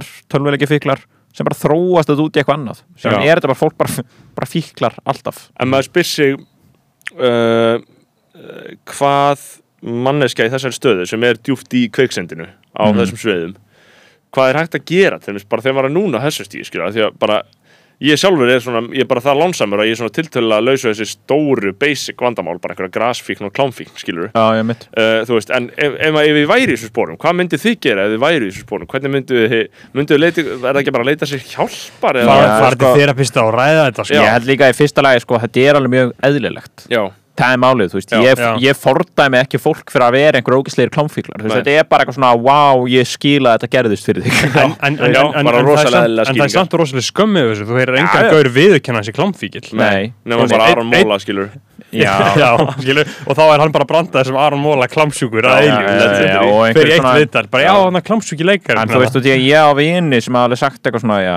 þú veist, ég er bara ekki búin að horfa ég er bara eitthvað, what the hell, gaur? Bara, þú veist, ertu bara að tala um það? Já. bara, þú er ekki hort á klám í tvær vikur, er það eitthvað bara rosalegt, já. En þú veist, það sýnir alveg, sko, þú veist, en þetta er ekki menn sem er eitthvað að tala um þetta bara út í bæ. Nei, og ég þekki mjög marga kallmenn og maður er á samband við þau og maður tal við, við þá og talar um, og ef þetta kemur berslumröða þá eru lang flest, lang algengast að heyra bara já, já, já, ég var eitthvað hættur en, en það er eitthvað svona Já, já. eitthvað aðeins. Já. og eitthvað, er bara fallir bara fallir klokkin, Já. skilur ég er alltaf að heyra þetta. Já. bara já, það er eitthvað, já, ég verði að fara að hætta aftur. Æ, ég náði vikað í september ég verði að fara að hætta sér aftur eitthvað, þetta er alveg ógstætt eitthvað. En ég, þú veist, er þurfi ekki menn bara þurfi ekki menn bara að ræða þetta við sálfræðing eitthvað, er þetta ekki þú veist, en, það er náttúrulega líka mjög skammanlegt að ræða svona við sálfræðing sko. já, já En það er svo fyndið að, á, að, að sko ég meina, þú verður að ræða þetta við einhver Já, sá sem er í þá- hann ímyndar sér alltaf að hann sé einn í heiminum um að vera á þessum stað sko. Já. Uh, en það er mjög óvíklega svo þú veist, það, er, þú veist, það er alls konar sjúkt sitt í gangi Mhm. annars, mm Vist, ég, ég held að það sé alltaf best bara sama hvað fólk er með sko. sama hversu umöðlegt og sjúkt eða skrýtað er bara segðu einhverjum það veist, ekki hafa inn í þér það, Nei, er, nei. Það er það versta Já. í heimi að byrgja eitthvað inn í og líka fólk er líka ofta að byrgja eitthvað geðut basic inn í sér sem er samt ángrað og bara ef þú segir einhverða Mhm. þú veist þú getur borgað mannesku og, og sagt hennar og hún meiri segja kemur jafnvel bara með laust fyrir þig. Já. nákvæmlega, gerðu það bara. Dömpa það er annars ertu að fara að vera svo andvaka að líða svo illa þú verður bara kvíðin bara í einhverjum aðstæðum bara ástæðu lausu en það sem er líka áhugavert við það er að þú veist, þessi tilfinning að byrgja eitthvað inni hún byggir alltaf á skömminni.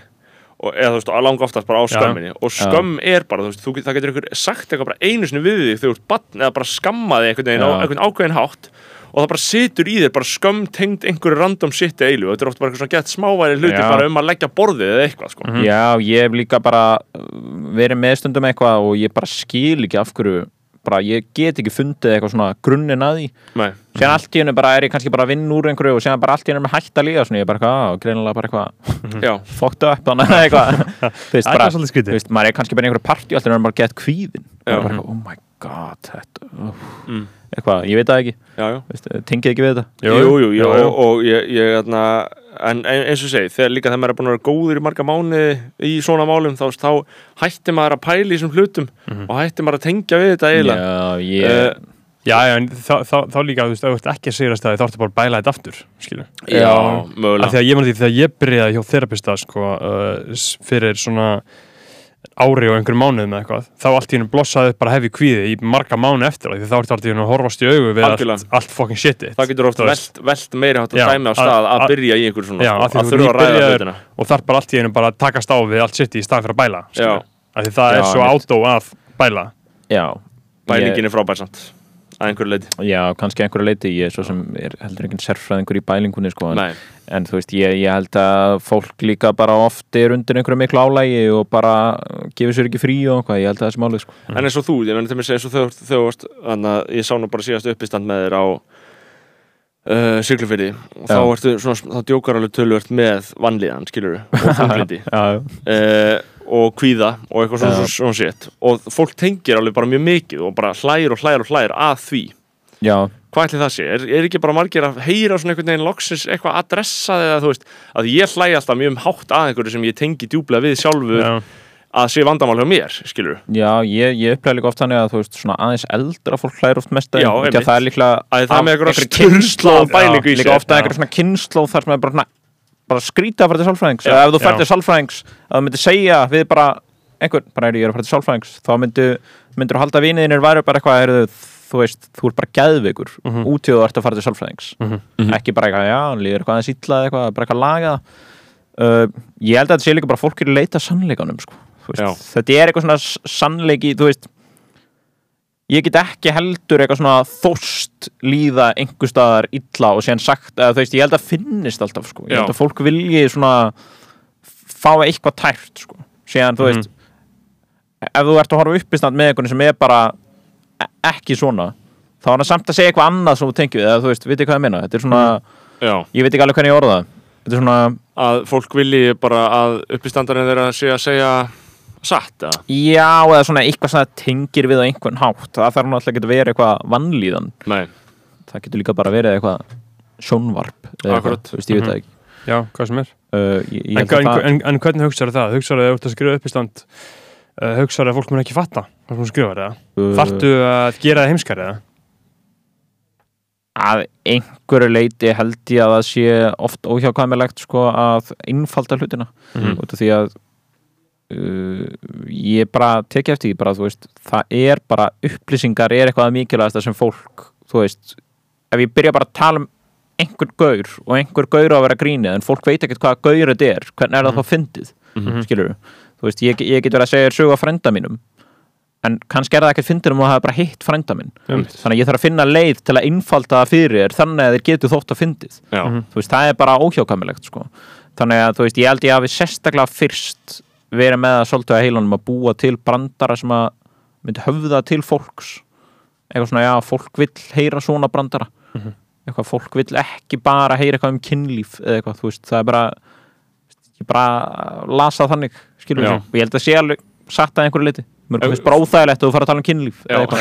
Já, það er bara hannig, bara fólk, fólk bara, bara ég vil ekki bara, fá þetta inn í fyrirtækinu Nei. mitt. Nefnt. nei, nei. bara viðbjóð, Mhm. ég vil ekki hlusta að þið tala um kynlíf Fólk, fólk vil bara heyra eitthvað um kynlíf í einrúmi sko. All, all, alla mest lesnu fréttinar alls það og DFF bara Já. og mannlíf og örgulega vísi bara, bara ásann inn að hendir einhverja fréttum framhjáhald og það Já. er bara, fólk bara verður vittlust í en þetta út Já. af því að því, því fylgir svo fokking mikil skömm skilur, Já. bara öllu sem og skilur bara- það vilti bara að gera einn og svo sem, þú veist, ég hef ekki Þetta er bara eins og þegar maður er að á einhverja bíómynd með fóröldur sínum og það kemur eitthvað dæmi, það er ennþá Já. óþægilegt sko. Mhm. en þú veist, ég hef einhvern veginn ekkert þurft að harma það ég er ekkert alltaf eitthvað, "Ó, ég verð að fá að tala um kynlíf núna, eitthvað á sviði nei. en þú veist, þetta er, þetta er margt sko, ég er sérstaklega fyrst hugsaði mikið út í svona eitthvað form eitthvað, já, gera þetta, öndu taka það og þú veist, bara eins og vera að skrifa einhverja góða sögu eða eitthvað Já, og vera svona eitthvað, já, þú veist, fólk tengi við þessi mál og þetta og eitthvað svona, þetta er svona frekar eitthvað svona almennt sko Mhm. uh, sem ég held að sé alveg sniðut sko, ég held að sé alveg sniðut að ef að fólk er að byrja í uppistandi að hugsa svona, þú veist hvað er bara eitthvað svona frekar basic, svona og æfa sig með það held ég Mhm. síðan mm, þróast þetta held ég á hverjum einum sko. Þú veist, ég Mhm. er alltaf líka með eitthvað persónulegt og eitthvað mig sem að ég raun og veru bara ég gæti verið með einhvern veginn eða þú mitt þú myndar einhver, einhver sko einhver sérkenni sko Mhm. Þú veist það er bara uppistand hjá mér er bara öðru en uppistand hjá ég veit ekki hverjum, Ar Eldjárn eða eitthvað, þú veist, þetta er ekkert en það getur verið margt svipað eða margt mm, svona Svipaðir einhver brandarar. efnistök geta alveg verið svipuð en þú veist, það er aldrei að fara að koma eins út það bara er ekki, þú veist, við bara hugsa það ekki nákvæmlega eins eða eitthvað. Nei. Og hvernig, hvernig hefur þróunum verið hjá þér? Hvað, þú, fyrsta sýningin var fyrir þreymur árum? Já, það eru þrjú ára haust Já, þrjú ári haust. Já, Og hvernig, þú veist, getur já, já, alveg margt sko, en þú veist, ég, það er sáralítið efni sem ég er að nota síðan þá sem ég er að nota núna Og hvernig hefur þetta breytast? Bre- Breyst hjá þér? uppistandi ótt Já, uppistandi ótt sko. ég, ég held að sé bara Ah, það er svolítið svona ég held að sé náttúrulega bara þroski sko Já. uh, æfing og bara sjálfströst held ég Já. ég held, þú veist, það er bara En ég meina, var, voru þetta ekki martraðkendar aðstæður framan af að, að fara til mér bara inn á eitthvað fyrirtæki og, og gera þetta og þurfa að uppskýra hlátur þú veist, nú er þetta að tala fyrir framan fólk Jú, ég veist, ég held að það er, það var alveg pínum aftræðakent en það er samt sko Drakstu þið ekki frá því bara? Já, þú veist, þetta svona þetta kom svo mikið einu sko, Já. þetta gerði svolítið hratt Já, þannig að ég var að skemmta alveg ógeðslega mikið til að byrja með sko. Uh, og náttúrulega held þessa sýningu sem var alveg, þú veist, ég er alveg mjög stoltur af þeirri sýningu, þú veist, hún er alveg mjög góð að einhverju leiti fyrir bara eitthvað út af því að fólk, þú veist, er bara vant einhverjum nokkurum uppistöndurum og bara eitthvað, já, allir hafa séð það sem, þú veist það var ekki mjög lengi bara að koma einhverju nýr inn og fólk var bara eitthvað, eh, eitthvað, sem ah, var með þetta er alveg skilur Já. og, eitthvað skipulagt Já, skilurðu, þú veist ég held að fólki hefði bara þótt að ferst bara eitthvað, já, þú veist, þetta er alveg fyndið og þetta er alveg skemmtilegt og þetta er alveg gott, skilur þó að fólk, þú veist sem hefur bara þótt þetta lélegt, skilur og verið ekkert að í því og bara fínt. Um, en þá fær maður bara svo ógeðslega mikið að gera sko. og Já. ég var bara skemmta hann að byrja í heilt ár, sko, og þú veist, vorið að var ekkert eðlilegt og þannig að þegar þú ert að gera svona mikið, þú ert líka með svona takmarka efni, þú veist, ég gat bara að nota efni sem ég var með þá ef ég er að skemmta núna á ég miklu meira efni. Þú veist, ég get bara leitaði miklu meira ég get skemmt fjölbreyttir á hópum og bara höfða betur til þeirra sko. Þannig að þú veist að þú ert búin að vera í tíu ár og þetta er tíu ára efni Já. pæli í vislinni já, bara eitthvað, já, eitthvað, svona hópur. Tekur bara brandara sem hendar þeim. Þú er bara með banka og já, bara, þannig að þetta verður alltaf bærilegra og bærilegra. Já. en þá, þú veist, var ég bara búin að skemmta ógeðslega mikið, sko. Með sama og sama og sama dæmið. og hausti þar eftir, þú veist, ég var eiginlega bara, þú veist, þessi tími er að einhverju leiti líka bara móðu, sko, Já, einmitt, síðan formaði bara eitthvað á djammið, byggum hérna Þetta var svakalegu djam tími bjó þetta var ekki 2018, fó- 19 já, fóldrar mínir bygguð í bandaríkjunum sko. ég Mm. bjó með þremur félugum uh, hérna, tveimur vinkunum og einu vinn bara, bara fjóra sefnar upp gíbúð mm Mhm. -hmm. vona bara alltaf að djamma líka eitthvað, og maður var bara eitthvað, þú veist bara eitthvað að drekka bjór og síðan var maður að skemmta, þú veist hérna, ég var ekki fullur að skemmta, en þú veist ég var eitthvað að keira á milli og síðan fór maður bara að djamma síðan vaknaði maður bara daginn eftir og fór skemm, skemmta meira og síðan djamma meira og Já. hérna og maður var að endanum bara, þú veist ég var bara búinn á því, sko Mhm. vann ekkert um sumarið manni sko.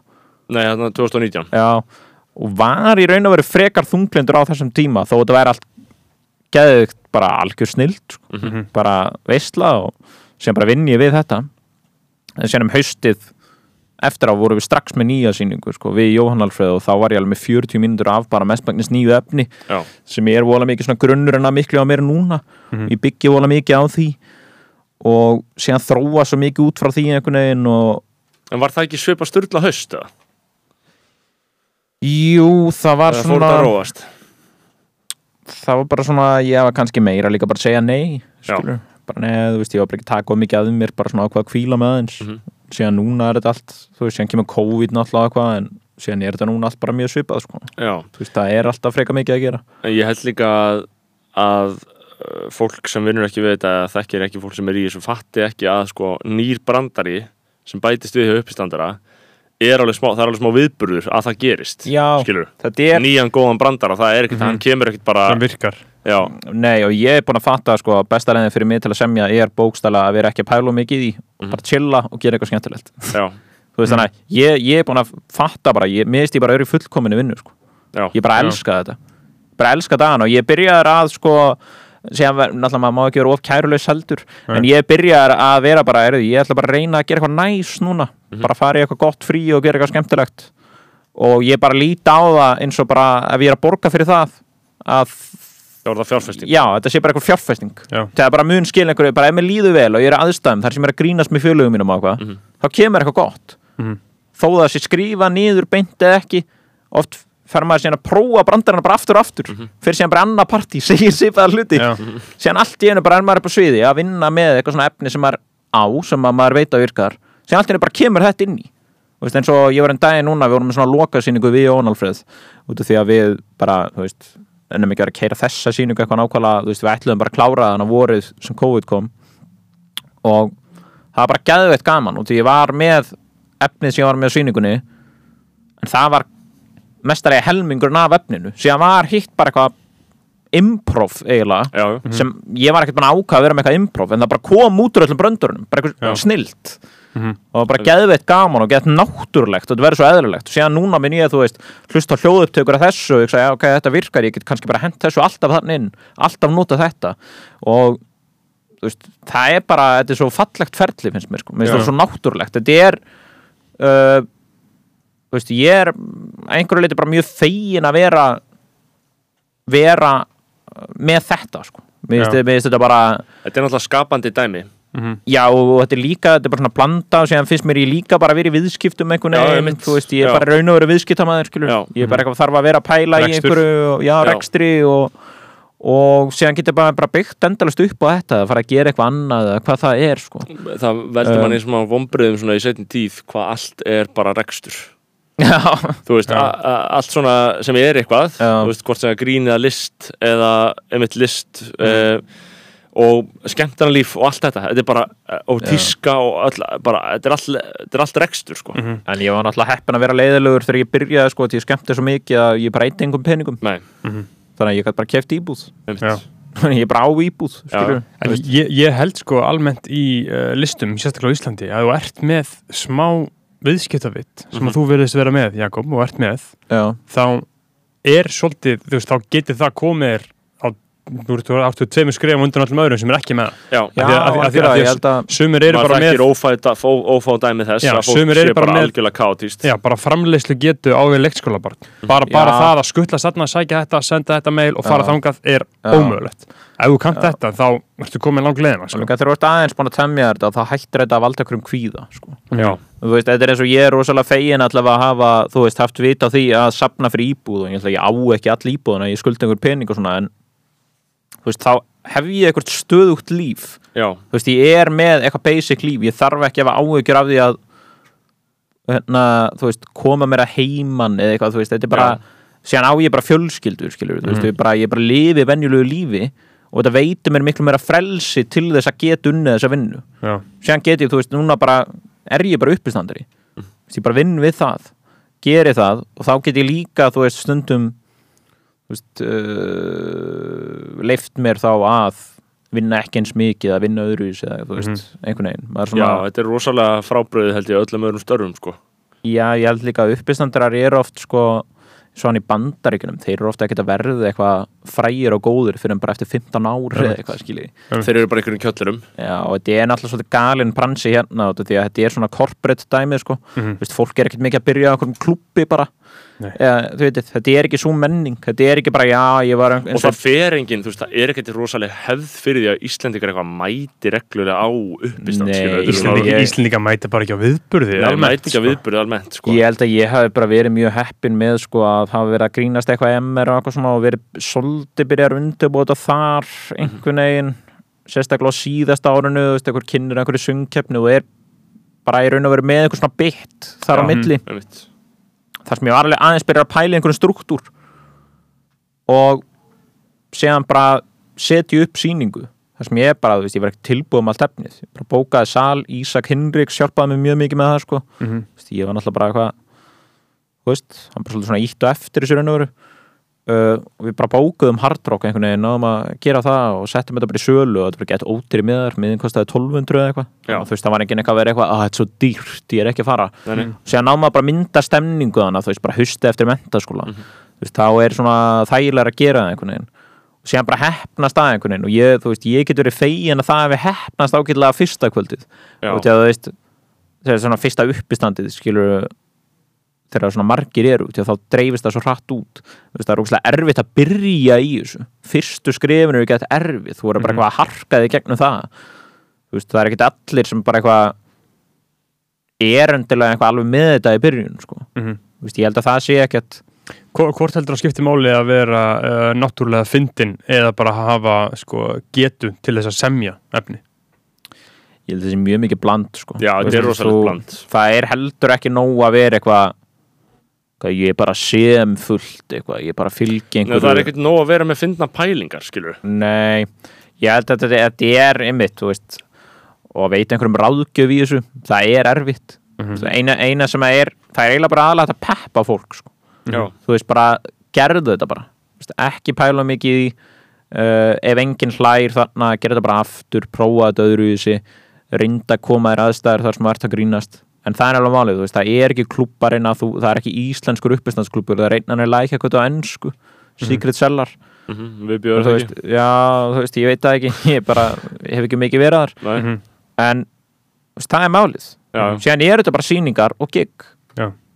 og til að fólk koma með sýningarna þínar þá verður fólk að vita hvað þú ert og hafa áhuga á því eða hafa heyrt eitthvað um þig og til að þú fáir gig þarf fólk að heyra um þig og sjá þig og bóka þig og aðrir á gigginu þurfa að hugsa að hann er góður ég ætla að fá hann hérna að ársatíð þessa klúb sem ég er í, skiljur þetta er bara svona dreifist svona og þetta er ekki eins og með tónlist þar sem þú getur masterað eitthvað lag það er orðið geðið gott og fólk er bara ok, þetta er geðið lag og síðan setur það á Spotify og allt í einu veit öll þjóðin hvað það ert Mm.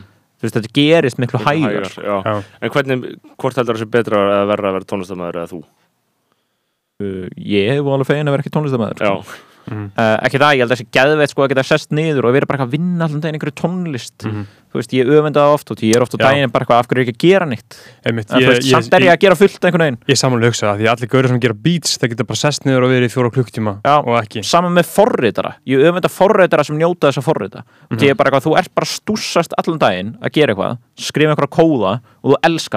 þú en ég er ofta að vakna er eitthvað svona eitthvað, veist, af hverju er ég til? Af hverju er ég þessi umöðli ógislegi lúser og af hverju þarf ég að útskýra eitthvað svona, veist, fólk eitthvað, já, hvað er það annars að gera á daginn? Eitthvað svona, nei. og ég bara, Já. þú veist, ég get ekki farið út í það, ég bara get ekki talað um það, það veldur mér svo miklu vonbröðum og ég hrættur um að valda þér vonbröðum líka já, og þú veist það er bara svolítið þannig og maður, þú veist, ég er bara einhverju ferðilega að sælta mig við það sko. Já, það er bara, Skila skömminni. Já, ég er að skila sko. Aha, aha. en þú veist það sem er snild við þetta líka er að að uh, jú, þú þarft alltaf að vera að semja nýtt efni og tróðið í, en þú getur líka alltaf oft verið að nota gamalt efni með og það breytist líka. Margt efni sem ég flyt kannski núna er ekki bara að flytja í hálft ár, allt í er það eitthvað pínu breytt og eitthvað nýtt í því. Já. og fólki finnst bara næs að ýri annað sinni eða bara eitthvað, já, ég myndi ekki að þetta hefði verið svona. Og eitthvað svona og þú veist, ég myndi ég myndi ekki til að skipta því út neitt sko, Nei, ég held að það sé bara virkilega, virkilega næs. Ég held að það sé líka bara mm, uppistandra, ég held bara að ferillin geta alveg verið langur og farsæll að maður er duglegur að semja sko. Já, ég meina þú getur verið 60 upp í stendari já, tónlistin getur verið svona risi mjög hratt og dala mjög, mjög hratt. Já, þetta er líka bara fyndið, þú veist, ég er hérna kannski í Reykjavík slatta fólki við sem ég skemmti þá úgeðislega mörgum fyrirtækjum og verið með sýningar og þú veist, eitthvað en á sama tíma, þú veist, er ekkert mikið efni eitthvað aðgengilegt á netinu. Mhm. út af því að það er bara þú veist, þú græðir ekki á því að gera eitthvað spesial eða eitthvað á Íslandi. En þú veist, ég mun gera það einhverju tíðanpunti bara til að hafa gert það og eiga það. Mhm. og þú veist, ég er alveg byrjar að huga að því. En það er samt bara, ok, það er að taka þennan efni sem þú átt setja í eitthvað 50 mínútur á netið eða í sjónvarpið fá, þú veist, ég veit ekki, miljón fyrir það eða eitthvað, eða þú veist hvað er fjandarinn sem fólk fara fyrir það. Þó þú fengið 5 miljónir fyrir það, það myndi ekki endilega borga sig veist, þetta er bara þú, Það er búin að drepa efnið já, soltið, því að þá bara hafa allt í enn allir síðan Já, meðan þú veist, þannig að ekki að maður þurfa eitthvað bara eitthvað svona það, það getur líka bara verið fín auglýsing. Mhm. en þú veist, ég, ég fór að siglu fyrir en daginn og þú veist, ég held að fólk þar bara vita hefur ekkert heyrt um mig. Hefur ekkert verið að skemmta þær mikið fyrir norðan, Nei, nei. það er líka bara fín já, og þá kannstu líka bara nota eitthvað sitt og verið tiltölu örugur um að já, mestaði væri bara tiltölu nýtt fyrir flestum. Já. Þú veist, Um, ég, ég, þú veist, hérna getur fólk verið að sjá mig bara í fynda skiptið eitthvað sko, já, þú já en hver, hver, einstum fyrir, fyrir hvað viðbröðu væri minnst kvíðin að skemmta, hvað væri bara svona, ah, ok, þetta er beisla nice, let's go. Bara eitthvað ungt fólk eða eldra uh, ég er almennt aðeins eldra sko. Já. það er samt aðeins breyst hjá mér Já. en þú veist, mér finnst ekkert vola gaman að að það fyrir eftir hversu meðvita fólk er að, mm Mhm. -hmm. hvað, hverju fólk fólk er bara meðvitað um hlutuna þá veist maður bara fínt að skemmta því sko. En er ekki erfitt að skemmta fullu, blind fullu fólki það? Jú, en það forðast maður það bara svona í, f- maður reynir það sko veist, maður reynir en að stórar ársatíðir Mm. yfirleitt er ekkert gaman að skemmta á fjölmennu viðbyrðum Nei, út af því að þeir eru ekki gerðir bara fyrir uppistand eiginlega. Um, Ég sé það oft sko á tónleikum eða, þú veist, eða á giggum það sem Já. að tónlistamenn eru svona að prófa eitthvað eins og maður virkar ógeðsla vel á grunnskólaböllum. Eins og út að gera, út að finnum fylgta nýtt lag skilur og læti fólk syngja það með þér og að því að það Já. þekki það ekki já, og síðan byrjar að gera það og allt svona. Mm, og þegar fólk er fullt, þá er náttúrulega allir bara með framheila skjaða já, þau bara geta ekki skilja þetta. Þau, þau, þau eru heimskar en grunnskóla krakkar Mhm. skilja, þau, þau get ekki tekið á móti það er engin með aðtikli, Nei, það er allir bara að hugsa um eitthvað allt annað. Já, þannig get ég undum mér að uppistand sé fullt þægilegustu giggin er bara eitthvað lít, tiltöla lítið fyrirtæki eða bara eitthvað 50 mann sem eru samt að djam, fara að djamma eitthvað Mhm. og þetta er bara svona byrjunum á kvöldinu. Já, og ég held að uppistand sé líka langt best þannig vegna þess að sko uppistand gegnir alveg mikilvægur hlutverki ofta á svona auðbyrðum og til svona fyrirtæki og eitthvað svona fólk og þú veist, saman hvað það er þetta er allt, ofta eitthvað svona pínu skrítið til að byrja með Algjörlega. af einhverjum ástæðum. Fólk er bara ekki að mingla nóg. Þú veist, það byrjar eitthvað að fá sér bjóru og eitthvað bara um leið að búið að hlæja saman þá er þetta eitthvað svona sam upplifun það er eins og það eigi eitthvað sameigilegt strax eða þú veist, ekki að þetta fólk náttúrulega vinnur kannski sama staði svo eitthvað, tala þú kannski um 10 eða 15 efnisatrið og þau veginn fara inn í heilan og hugsunar. Já, og bara um leið það er eitthvað sem gerist bara um leið og fólk er bara að hlæja saman þá á það bara auðveldra með allt. Mhm. ég veit það, það er frekar skrítið sko, veist, og það er ástæðan fyrir því held ég að fólk er að fá uppistand aftur og aftur og aftur og alls konar viðbyrði því að fólki finnst bara gott að hlæja. Mhm. og það bara þarf oft eitthvað bara til að byrja þetta. Nákvæmlega. Og uppistand er langt best þannig þannig ef þetta eru stórar ársóttíðir eða eitthvað þú veist, bara, ha- þá reynum bara að vera framalega í dagskráni Já. Þú veist, það er ekkert gaman fyrir mig að koma eitthvað eru klöpt upp, eru búin að spila og sem kem ég, Já. bara til hvers skilur Já. hver að fá mig, fáðu bara annan tónlistamann skilur, það er bara ég hef ekki ánægja á því. Mhm. en, En um að gera að fá klubbt upp Já. já, bara eftir mér. Bara eftir mér skilur þú veist, hérna uh, en síðan, þú veist, ég hef náttúrulega skemmt á alls konar ársáttíðum og alls konar viðbörðum og, og sérstaklega eins og þegar ég var að byrja þá kannski nættum maður meiri svona uh, erfiðum aðstæðum ég skemmti á einhverju fyrirtæki gamla bíó Uh, og einhvern veginn öll dagskráin frestaðist eða senkaði ekki að mikið og ég var alltaf bara hálf ellu upp á einhverju sviði og fólk var hauga drukkið greinlega bara búið að vera að síðan í hádeginu eða eitthvað Mhm. fólk var bara svona eiginlega bara svona horfið ofan í borðið Já. ég man ég bara horfið bara á kollana á fólki ekki framan í Einmitt. og þetta var bara ég var bara hvað er í gangi sko. síðan fer maður út og maður er eitthvað svona bara já ég þarf bara að díla við þetta skilur Já, þetta já. bara skiptir ekki máli og enginn hann að mann eftir öllu. skömminni, Nei, þú bara ekki ábyrgð en sko það er líka við höfum vælt um það hérna í alls konar samhengi að, að fólk með ekki tjásu og að listamenn séu ekki, séu til þess alltaf ópolítískir og svo framvegis mm. er það samt ekki bara eitthvað ekki í raunin hjá þér, máttu ekki segja sirka það sem þú vilt eða?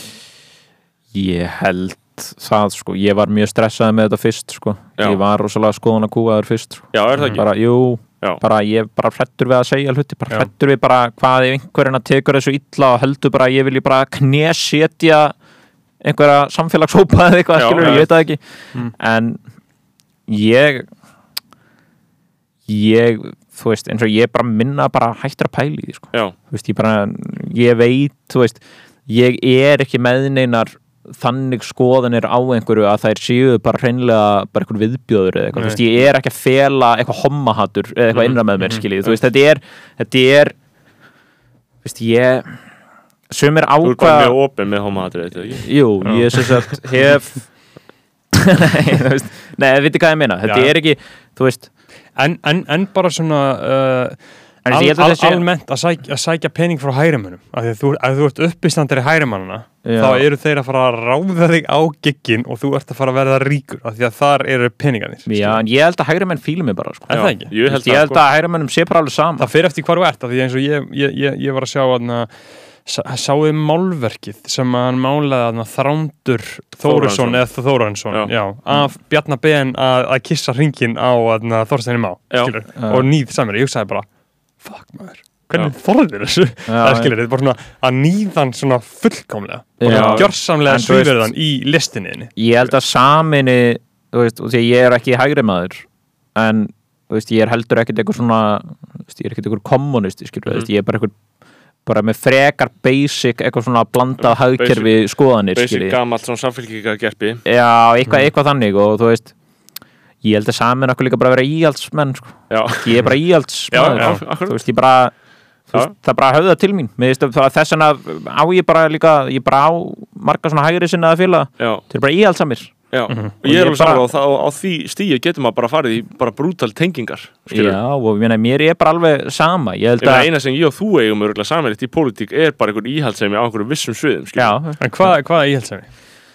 Þetta er bara svona ekki vera að breyta hlutum sem er ekki að breyta. Mér líður alltaf eins og því ég tala við gauður eins og ykkur skilur, sem að segjast vera íhaldsamir og Já. síðan spyrja ykkur hvað fokking meini íhaldsamir á hvað hátt? Hverju vil ég ekki breyta? Er þá er, alltaf, bara- er þá er fátt um svör Já, en sko. er það ekki bara svona er Þú finnur það þegar þú hittir fólki sko, og En þú tala við er það. ekki íhaldsemi, það er samt svona bara það er ekkit endilega þetta svona alveg bara eitthvað ég vil ekki breyta þessu, það er meira svona þetta er svona stýpri hugmyndafræði.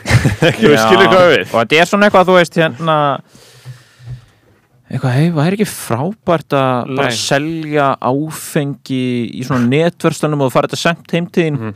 Ég bara, ég sé ekki ástæðana fyrir því. Mm. Þetta væri þægilegt og eitthvað, já, ég held að það myndi bara gera meira slæmt. Ég bara, höfum þetta bara svona, þetta virkar vel það er enginn í alvörunu ósáttur með það. Mhm. skilur þetta er basically geðveitt heimskuleg Já, hugmyndafræði og íhaldsemi er er bara, þetta er bara fast í manni. Já. Ef hitt er bara leift og gert ég verð heldur ekkert brjálaður yfir því. Veist, þetta er bara einhver svona einhver en ég er alveg, já, þú veist, ég, veit, ég veit ég er alveg svona- með það ég er ekkert raunverulega Já, íhaldsamur ég skil ekki að veist, já, og ég meina, þú veist, þetta er ekki þú veist, margir tengja líka íhald sem er bara við eitthvað svona, bara mannhatur eða eitthvað, þú veist, já, bara já, ég held þessi meira bara svona uh, þú veist, sem þetta kannski meira svona Twitter, fólk sem er alltaf að tala um eitthvað fucking heimskur, þetta verður alltaf svo mikið cringe. Já, ég held að þessi kannski meira það að takk finna ekki þátt í því. að taka ekki þátt að taka ekki þátt í einhverju svona litlum progressífum PC málum Nákvæmlega, að þau er eru svo mikið cringe skilur. Já. þetta er ekkit endilega að berjast á Eitthvað- mótiðum heldur bara ekki taka þátt í Nei. með, bara, ég nenni ekki að tala í ringi eða eitthvað, sko, þú veist, Já. það bara en, en, en, en það er samt svona, það er rosalega, veist, það er bara algjört efni í stúdíu en hvernig fólk bara skilur hlutina sem hann segir, sko, hvernig fólk túlkar Já. orðræðan hans. Og Skilur, það, þú veist, það ég gæti get alveg ég- einhver sagt bara hvítir gagkinniðir menn og þeir eru bara með forréttindi og þeir eru bara eitthvað Já. deila forréttindu sínum og þess vegna tengja þeir, ég veit það ekki. Þú Nei, veist, nei, það er bara, er auðvitað það, ég meina Já, að, að þú veist, þegar ég hitt eitthvað sem er bara eitthvað algjörlega hæra megin í pólitíka eitthvað, Mhm. þú veist, þá er bara mjög oft sem við erum bara að væpa, sko, og ég get Mhm. alveg tala eins og bara einhver hæri maður, og það, það þýður auðvitað að ég sé bara hæri maður að einhver leiti, þú ert aldrei. Já. þú ert aldrei að þykjast, skilur Já. Þú getur samt alveg haft húmor fyrir. Já, já, mér já, finnst, ég að- mér, mér, finnst oft og húmor mjög og fyndið- skilning, skilur já, mér finnst oft mjög og fyndið við að erum bara að- öll fólk, skilur Já, já, og þú veist, og þú elst upp við þínu hugmyndafræði skilur, þú 100%. elst upp sem hæri maður, þú getur að fara að það af þér sko. Nei, nei. þú getur ekki endilega að bleima einhverjum fyrir að vera heilaþvegin í uppeldinu sko. Það, það er ekki endilega hægt sko. Að það fyrir bara til hvernig menn hafa húmor fyrir eru til hæri menn sem eru bara scum of the earth af því þeir eru svo fucking húmorslausir og ófindnir og leiðilegir og vilja En svo það er vonda líka hluti. bara með vinstri menn. Já, algjörlega. Líka. það er bara fullt af ógeðsla fólki þú í þeim armi. Þetta er bara svona begja vegna sko. og ef maður er að líta á þetta sem bókmyndir skilur þá er miklu líklega að ég nenni að hlusta á hlaðart með svona hærimönnum sem eru bara algjörur heilaleysingar en þeir eru að segja eitthvað sem mér finnst það sturlað að ég hef bara mikið áhuga á því. Já, þú vilt bara eitthvað en frekar en að ég hlusta á rösk, veist, eitthvað röskvu dæmi Já, já, já, já, já, eins og þú elskar Trump skilur já, Þeir finnst bara gaman að heyra eitthvað sturlað. Já, já, þetta er bara klikkunin sem maður er að sækja í Uh, skilur mhm. Trump, þannig að Djöfull sér maður ekki neitt um hann lengur alveg búið að slakka á honum. Ég bara sé ekkert. Ég sé ekkert. Ég veit ekki neitt hvað hann er að gera. ég Er er hann það bara Mar-a-Lago eða? hans ekki hugmynd sko. ég er ég hugmynd held sko. það sko, sen er hann bara eitthvað svona að mæta á einhverja viðbyrði hjá einhverjum hann er uppistandari bara já, Já. bókstælega sko. já, hann er náttúrulega alveg stórbrotir ræðumæður já, já, Já. Hann, hann er hann er engum líkur sko. Nei, hann er Eh, virkilega góður að halda ræður sko. það er eh, eiginlega alveg magna hvað hann getur haldið stuðun uppi sko. og það verður ekkert annað séð en hvernig fær hann alltaf þetta fólk til að tjanta alltaf Já, með já. sér bara hvaða, sama hvað það er það er bara, fólk er bara mætt og bara er að öskra með hann Mhm. og bara endur taka allt og þú veist, þetta er alveg rosalegt sko. og maður veldi fyrir sig sko veist, hvað það er einmitt við bara hans málflutning og fleira sem veldur því að þetta ve- veki svona sterkar tilfinningar hjá fólki, skilur hvernig getur þið náð svona taumhaldi á fólki, sko uh, sko, við erum að taka örstöðapásu og svo ætlum við að fara í stórumálin er það ekki? Já, stórumál, þetta er náttúrulega, er, er þetta ekki bara er þetta búin að pása það? Nei, ég Er, er er það þetta ekki bara eitthvað versti þáttur bara sem við erum tekið? Bara eitthvað umurlega leðilegt Við þurfum að fara í stórmál. Uh, Við erum konur aftur í skoðanabræður með Jakobi Birgisinni Þetta er nú skárri þáttur en var síðast. Já, síðast þarna, það var ekki ánægulega upplifun. Það er skoðanir Jakobs Birgissonar. Ég, þarna, Fyrst hétt þetta bónustáttur en síðan var þessu breytt bara í skoðanir sko. Já, Við Já. skemmtum okkur vel, ég og Jakob en Berður, þér leði ekki vel. Þáttur var live. Já, hann var live á Port 9, hvíli frið Það heitir það Port 9 ennþá? Já, en, En það það- er nýja eigendur Já, það var komin nýjir boring eigendur Mhm. einmitt uh, Já, þetta var live og þarna, ég naut mín ekki sko, ég var í kvíðkast allan þáttinn sko. En Var það ekki líka það svo dásanlega að hugsa út í að þú hafir verið í kvíða Já. kasti allan Ég, ég, tíman ég, ég, ég, ég var bara með hnút og sting í maðurum allan tíman sem við vorum að taka. Svona óútskýranlega ég held, að, ég held að það sé svona líka sko skýrist í aðra rönd á því að þetta hafi verið í beinni sko. Þetta var ekki að ég og Jakob væri menn til að vandamál. Já, já, nei, nei, þetta var margþátt Já. sko. Þetta var, ekki ykkur að kenna sko. og þetta var svona heldur svona, svona þarna, illa skipulagt hjá okkur þú veist bara pæling. Já, með live pælingar Já, bara, málið er við heldum að við varum að græða gett mikið pening. Við endum eiginlega bara einhverju og- Já, við rukkuðum inn, hvernig nefndu við þessu? Margt við- vatn hefur runnið til sjáar já, sko, margt var, síðan. ef ég ætti að gera þetta núna þá myndum við miklu frekar bara halda veist, ég myndi ekki gera nei, þetta þetta er Nei. ekki pælingin með skoðan nei, nei sko, ég, ég, ég myndi alls ekki gera Nei. þetta aftur sko. þetta er ekki stemningslaðar sko. Nei, Þú veist, þeir að lát- jú, getur, Já, alveg, já. getur alveg verið það en þetta er aðalega skegg skilur. Já, en já, ég, er að segja að ég myndi aldrei halda svona live kvöld aftur nema einhver myndi koma upp á okkur pródúsera fyrirtæki og segja einu sem þurfir að gera er að mæta eða og þið fá þetta mikið pening fyrir þetta, þá myndi ég mæta en Já. ég myndi ekki skipla þetta sjálfur og gæinn sem væri að því væri svo mikið hann var scammer, já, Já, hann væri það með væri eitthvað bara- nýtt startup sko. það væri eitthvað startup sko. já, það væri eitthvað ekki nógu gott sko. um, sko, Jakob um, við vorum að ræða þetta náðan tölvuleiki dæmið Já. í grunnskóla uh, því að ég umræðan um grunnskóla hefur verið nokkur í samfélaginu undanfarið. Fyrir ég bara get ekki tekið alvarlega en hatt áfram. Þarna, uh, hún, það var verið að ræða um það og vettvangi umbóðsmann spanna um daginn til dæmis að banna skólasund.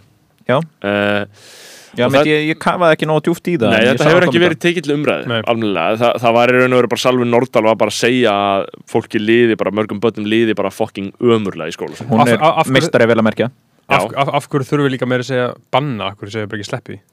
Já, eða Já, þú veist, skilur, já, veist. hún var kannski ekki leggja til að banna endilega, hún Nei. var örgulega bara að- eitthvað svona allavega að bara gera út af við pælinguna Já. uh, Já.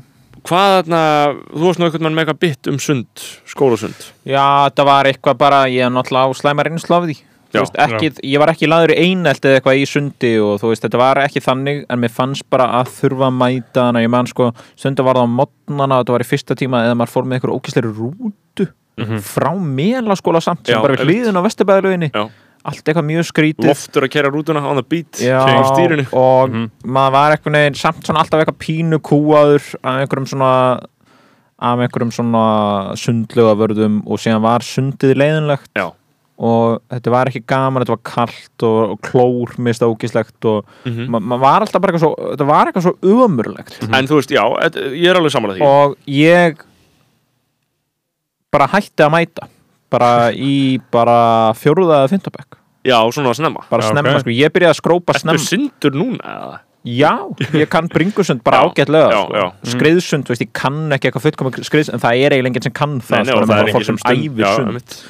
um, og ég bara, ég byrjaði að sk- skrópa mjög snemma í skóla, sko. Fyrsta skrópa mitt er bara held ég í fyrsta bekk, öðrum bekk, sko. Í skólan eða skólasund bara bæði, sko. Já, Já, bara sleppa tíma, beigðu Já. bara, já. Já, maður bara tónmænt í síðasta tíma. Já. og það var bara svona röð, allir gengur röð og ég bara hljó. Já, mér er svo gott seging sem ég ekki hugsa um eins og það langa tíma um talað um að beila á tíma. Bara að ég ætla að beila á tíma. En þetta er, þú veist, ég hugsaði þú veist, ég byrjaði mjög snemma að hugsa það getur ekki skipt máli að ég sleppi þessu. Já, Nei, sem, sem reyndi síðan bara rétt. Já, skipti engum máli, ég slefti einhverjum ömulum tónmentatíma eða og, þú veist, en, en sko það er samt einhver sérstök aðferð sem fullarnir hafa við Já. að láta börn Já. halda Bara- að það skipti bara Já. fjarvist og í mér fannst öll þessi börn svo heimsk. Ég glimti við þetta líka bara svona einhverjir, ég veit ekki það er ekki hægt að kalla þetta fordóma það var heldur engin það var engin að segja mér það heldur sko. Mér fannst þið bara eitthvað svo heimsk Já. bara, ha, trúið alveg en þetta hafi afleðingar þú hafði bara óbeit á það eða svona, já, Já, bara, það er bara eitthvað svona veist, mm, og litlu bróður minn sko, hann til dæmis er uh, bara svona virkilega klár bara svona mjög ólíkur mér sko. Og hann er mikið bara alltaf að læra sjálfur alls konar, tekur upp að læra japansku og eitthvað svona, bara kann, þú veist 2500 japansku tákn eða eitthvað það er bara rugglað, hann er bara já, já, þú veist, hann bara og- les japanskar fréttir. Já, Vá. og þú veist, hann bara æfur á hann getur bara píanó innbyrt upplýsingarnar úr textan já, já, og þú veist, bara svona uh, sk- skrifa niður málfræðir, hann er bara raunverulega að læra heima á sér. Hvað er, hann gammal núna? hann er núna að fara í tíundabæk Vá. og eða, þú veist, þetta er bara mjög svona uh, impressive, sko og hann er samt, þú veist, hann er samt heldur ekki svona eitthvað, já, þú veist, hann er bara fáranlega skrítin það er ekki að tala við hann og þú veist, það er bara eitthvað að veist, hann er bara, getur haldið jafnvægi. Já, bara góður húmor, kaltæðin bara svona eðlilega manneskja. Mhm. en samt skilur þau svona pínu á skjön við þetta skólasamfélag. Mhm. uh, og hann bara, þú veist, eitthvað skila einhverju verkefna möppi í samfélagsfræði eða eitthvað, þú veist, hann finnst þetta bara svo hjákáttlegt já, og þú veist, við erum samfélagsfræði en það er samt verið að kenna jarðfræði í samfélagsfræði tímum þetta er bara svo lágur standard. Bara þetta er ekki á reynu plan. Já. við, við það plan sem þetta og, og ymmit, eitthvað svona þú veist, uh, heimskulu íslensku verkefni. Mhm. finnst bara, hún finnst þetta bara að vera heim, kent heimskula, hann Já. kann móðumáli sitt. Og þetta er bara svona mjög uh, hann færir alveg bara mjög eðlileg rök fyrir þessu. Já, um, þetta er allt greindarmerki. Var þín gaggrinni á skólakerfið af sama meiði eða var hún, hún var aðeins anarkískari og kaotískari eða? Já, kannski kaotískara, hann er með miklu ígrundari pælingar og hann líka á því, þú veist, hann fyrir síðan í samrönduprófin og fær bara tíu öllu, Já. eða þú veist já. þannig að hann, hann augrislega kann allt sem er verið að byggja hann um að gera en hann færi lægur einhvern og tennir ekki að skila einhverju drastli og það er svo sem bara eðlilegt upp að einhverju marki en hann byrjaði að skrópi sundið til dæmis. Já, ég bara stutta það, ég bara lísti yfir stuðningi. Já, Já. ég bara mætti inn og ég bara frétta bara erðu ég lýsi yfir stuðningi við það. Ég bara stend með þér í gennum þetta. Já. bara ringir í mig eða eitthvað. Bara, hann bara einhver fjármála fræðsla og til að var eitthvað svona val í hagaskóla Mhm. og hann valdi eitthvað en var greinilega of setna að velja eitthvað þannig að hann fekk ekki valið sem hann valdi. Bara sendur eitthvað fjármálafræðsla og hann fannst þetta bara heimskurætt Mhm. mm. krakkar, aðri krakkar að kynna fyrir honum hvað eitthvað væri og þau hefði Mhm. gett stunda sína rannsóknarvinnu skilur Nei. þessi börn er ekki að fara að útskýra fyrir bróðum mínum hvað verðtrygg lán eru sko. Mhm. þannig að hann bara hætti að mæta. Og ég bara lísti við stuðningi við það. Bara, ekki mæta, skilur Mhm. þú bara þarft það ekki, þetta er ekki eitthvað svona grunddæmi hann er ekki að sleppa starffræðitímum og hann kann ekki starffræði, skilur Nei, hann er ekki að fara að vandræði Nei. út af því að þetta þannig að ég bara sagt við hann, passaði bara tíundaveg að skila verkefnum í þessum kjarnafugum já, skilaðu því bara, þú kannt þetta allt nittuðu bara að skila því, þá ertu góður. Sér farið í MR, farið í máladeild læri latínu, grísku allt þetta, getur síðan bara farið að stunda ykkur málvísindi eða eitthvað mjög, þetta er mjög farsæl, farsæl já, já, og Já, ég veit, að vegurinn, sko. ég veit alveg að hann mun gera eina sem hann þarf að gera er bara svona að aga sig til að aðeins að gera þetta og ég held að hann mun alveg gera tala ekki eitthvað mikið um hann hann verður hann eitthvað viðkvæmi fyrir því. Ég sé bara fara yfir fyrir en hann er bara king, skilur, hann er bara sann king. ég tengi verið rosalega margt hjá honum já, já, en hann er svona að gera þetta en skárra en þú. Þú Já, ég er náttúrulega kunni bara ekki starffræði fyrir en bara í níundabæk sko. Ég mætti eiginlega ekki starffræði veist, eins og í áttundabæk, mætti ekki hana. Mætti ekki hana. Og ég lendi í bekk sem ég var eitthvað ósáttur með. ég var mjög ósáttur með svolítið bara svona fólki sem ég kannski átti ekkert mikla samleið með í hagaskóla já, um, sem er samt bara, þú veist, ég bara seti fólk í dag bara fínasta fólk, bara, ég, þetta var bara ekki, þú veist, bara svona bestu vini mínir, góðu vini mínir sem ég vildi mest vera með og tengdi mest við, voru bara í, saman í öðrum bekkjum. Mhm. og það gerðist síðan bara í nýjönda bekk, bara í janúar eða eitthvað. Það er bara, ég er hættur að mæta í tíma og því, það var svo mikið vesen að láta mig breytum bekk og þetta var eitthvað ölfuðsar skóli og bekkurinn í kjarnin eitthvað. kæftæði, bara heyrðu, það er bara eitt klikk í tölunniðinni og ég komin enn á bekk. Og þú vilt ekki leiða mér það. Þannig ég sagði bara, ég hættur að mæti þessu tíma ég mun ekki mæta, hvað ætlaði að gera, ringi fóröldur mína. Já. Jakob mætti tíma, nei. Mun ekki gera það, ekki sjans. Þannig ég, ég var í svona námsveri þú veist, og ég hafði verið sendur í það í íslensku og ég var rekin úr íslensku tímanum og ég hafði verið með eitthvað læti í afturvæk eða eitthvað. Og ég var bara var þar bara með yngum mjöll í námsverinu sem var bara eitthvað king skilur þú veist, og var náttúrulega bara með fólki sem átti bara svona einhverjum massífum vandræðum bara með að læra. En þú veist, það var bara fínt skilur já, já, ég, þú veist, og las bara geðið mikið. Bara í áttunda og níunda bekk las bara bækur. Þannig að þú varst bara í rauninni bekkjarlaus.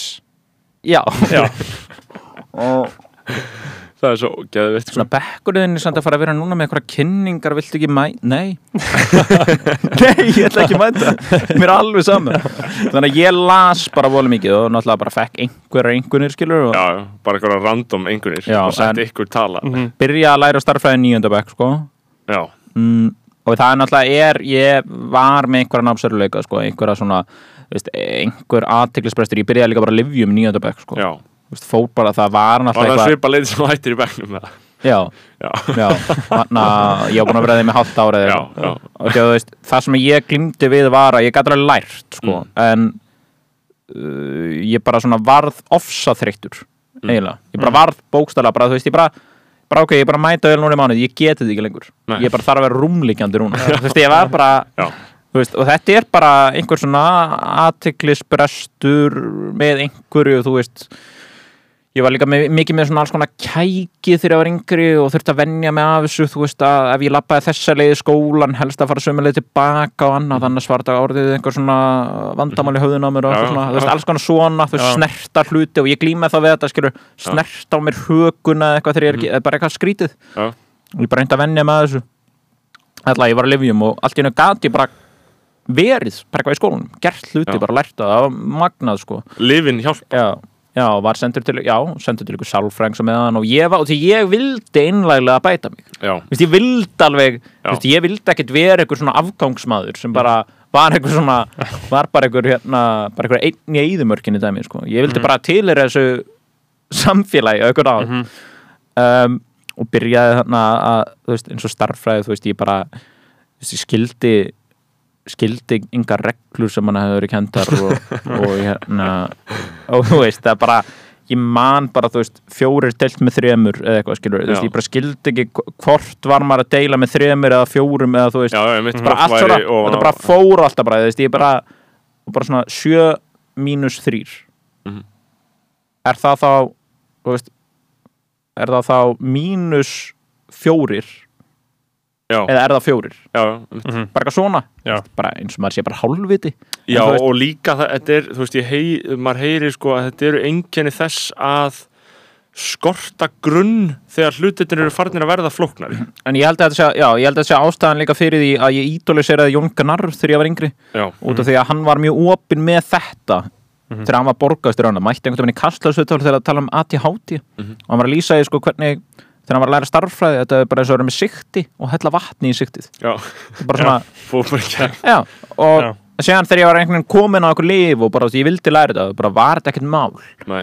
Um, og þú veist, ég er ekki talnablindur eða eitthvað þannig um, Og maður þurfti náttúrulega að klára einhverja grunn Já, að geta já. fengið bara einhverja einhvern Já. til að fara í já, MR já, og ég er bara með allt eða í grunni þú Já. ég er ekkert eitthvað geðt góður en ég, á ekkert mál með að læra einhverja tölfræði ef út í það er farið, skilji, Mhm. ég bara náða alveg þeim grunni á stundum tíma, alveg eins með íslensku En ég meina, e, e, þú veist, Uh, þarna, þarna, já, hvað segirðu? móðumáli mitt, Já, ég bara tala fína íslensku, ég, ég bara fína sk- leskilning og annað, gæti alveg lesi og svona, en þú veist, ég man alltaf eftir því þegar hún læra eitthvað nafnorð væri er það ekki bara öðrum bekka eða fyrsta eða jú, eitthvað, það er alltaf snemma sem verið að byrja að eða þessu upp á eitthvað, fólk. þriðja, þetta er fyrsta til þriðja einhvern tímann, Já, hún segir nafnorð er eitthvað eins og borð.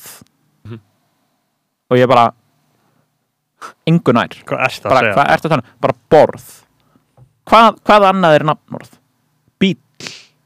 En lýsingorð, blár, eitthvað. Og ég er svona eitthvað að náðu þessu smá sem bara fór þetta, já, ég var bara ofsa þreyttur við að heyra þetta, já, síðan auðvitað skapar þetta bara vandræð, auðvitað var ég bara til vandræð þú veist, ég var bara eitthvað að djóka eða eitthvað, ég var bara þetta er ekki eðlilegt.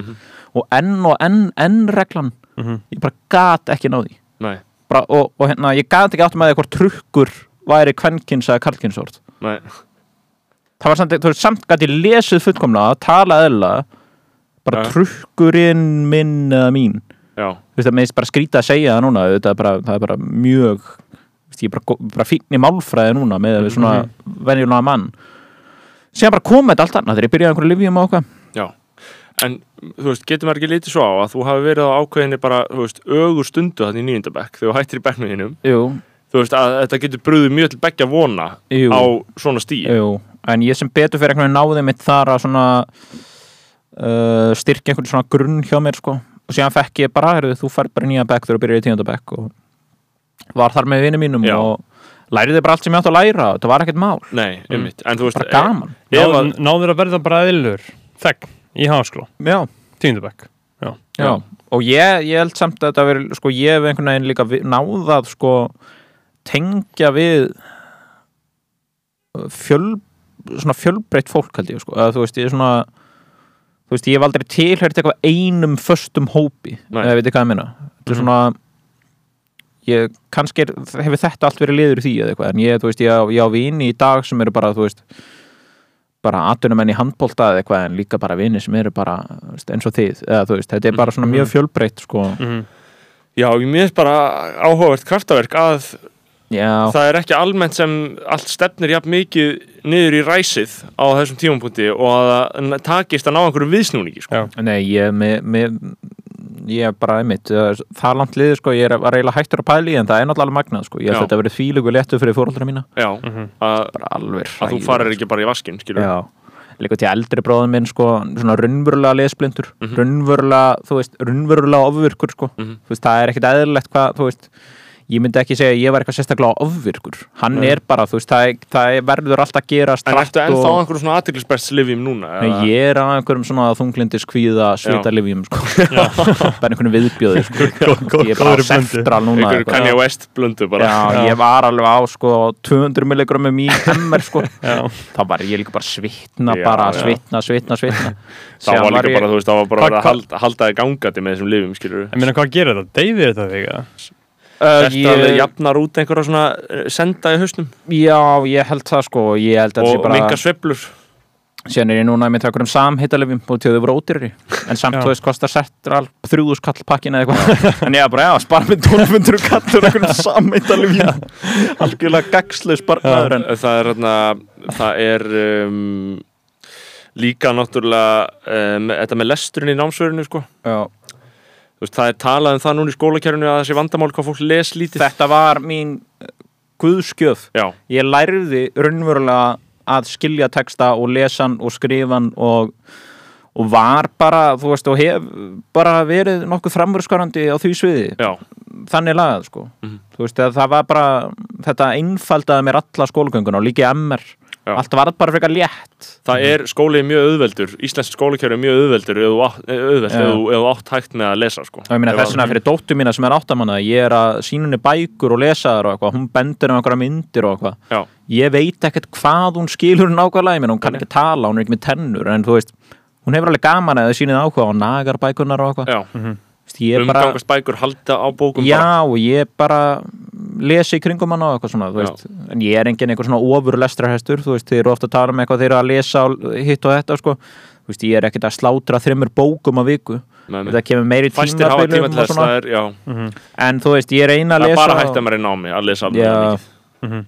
En þú veist, ég reyna að gera það svolítið og, og, og, og, og en þú veist, lestur bjargaði þér að einhverju leiti þarna skilur. já, hann gerði það. Hann gerði það alveg klárlega sko. Bara aðteglisbest lif og lestur og Já, námsfér en þess vegna hef ég líka alltaf verið sko til fólk svona um, út af því að það er náttúrulega alveg rétt að það er galið að vera að setja bara bönn á líf bara út af þú veist, einhver heimilislæknir bara, já, er eitthvað að þér, farðu líf þú veist, ég var náttúrulega bara að senda mig til einhver geðlæknis og einhver, sko, bara senda mig einhverja greiningadæmi, ég var bara bugl ég var eða sálfræðinga bugl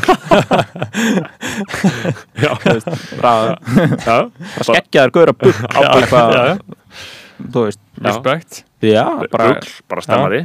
Já, já, þetta var bara fínt sko, en þú veist, ég, ég myndi ekki líta á mig í dag þetta fyrir var á bugl. Já, þú veist ég, en þú veist, ég er ekkert eitthvað geðveikur eða eitthvað þannig, en þú veist, ég er ég er, þarf bara að passa að vera jafnvægi heldur, sko. þú veist, það er bara fólki er mismunandi Já, sumir já, bara, 100% sko og þú veist, ég verður oft rosalega svona örlindur, þú veist að Já, en náður, já, en náður ekki að fara yfir í, í mentaskólan með góðum hætti það? jú, bara flott skipti En varst bara heldur þunglindi þar samt? Já, stóð mig vel á fyrsta árinu náðu öllum grunnunum þar, sko, málfræðilegum grunni Já, öðru ári alveg virkilega þunglindur. En læriði latínuna, sko. Já, þannig að það var mín guðskjöf, sko. Hvernig var þungildið þá í meina, gast, Ah. gastu sagt einhverjum að vera þungildur? eða? uh, Já, og of mikið, sko. Veist, það var einn bælingin bara og, og þetta var svona, ég man þegar ég sagði við, sko, Hildi spænsku kennara. Hún sem sagt uh, veist, þetta, þetta er svo fyndið, sko. Veist, hvernig maður er út í að ég svona svolítið fljótur að komast í eitthvað svona fullorðinslíf. Þetta er sagt Hildur, hún var spænsku kennara og umsönukennari minn í áður ári. En hún er besta vinkona eiginkona Ara Mhm. Þú veist, þau eru bara svona eins og vinafólk mitt eiginlega, eða þú veist og hún er bara eitthvað vinkona Hildar sem var umsönukennari minn þegar ég var bara eitthvað þunglind rúnlingur. Þetta er svo fyndin munur sko. og, og gerður henni lífi leitt? Uh, já, ég sagði við hana sko þegar ég fekk fjóra í jólaprónum í fjórðabæk bara fjóra.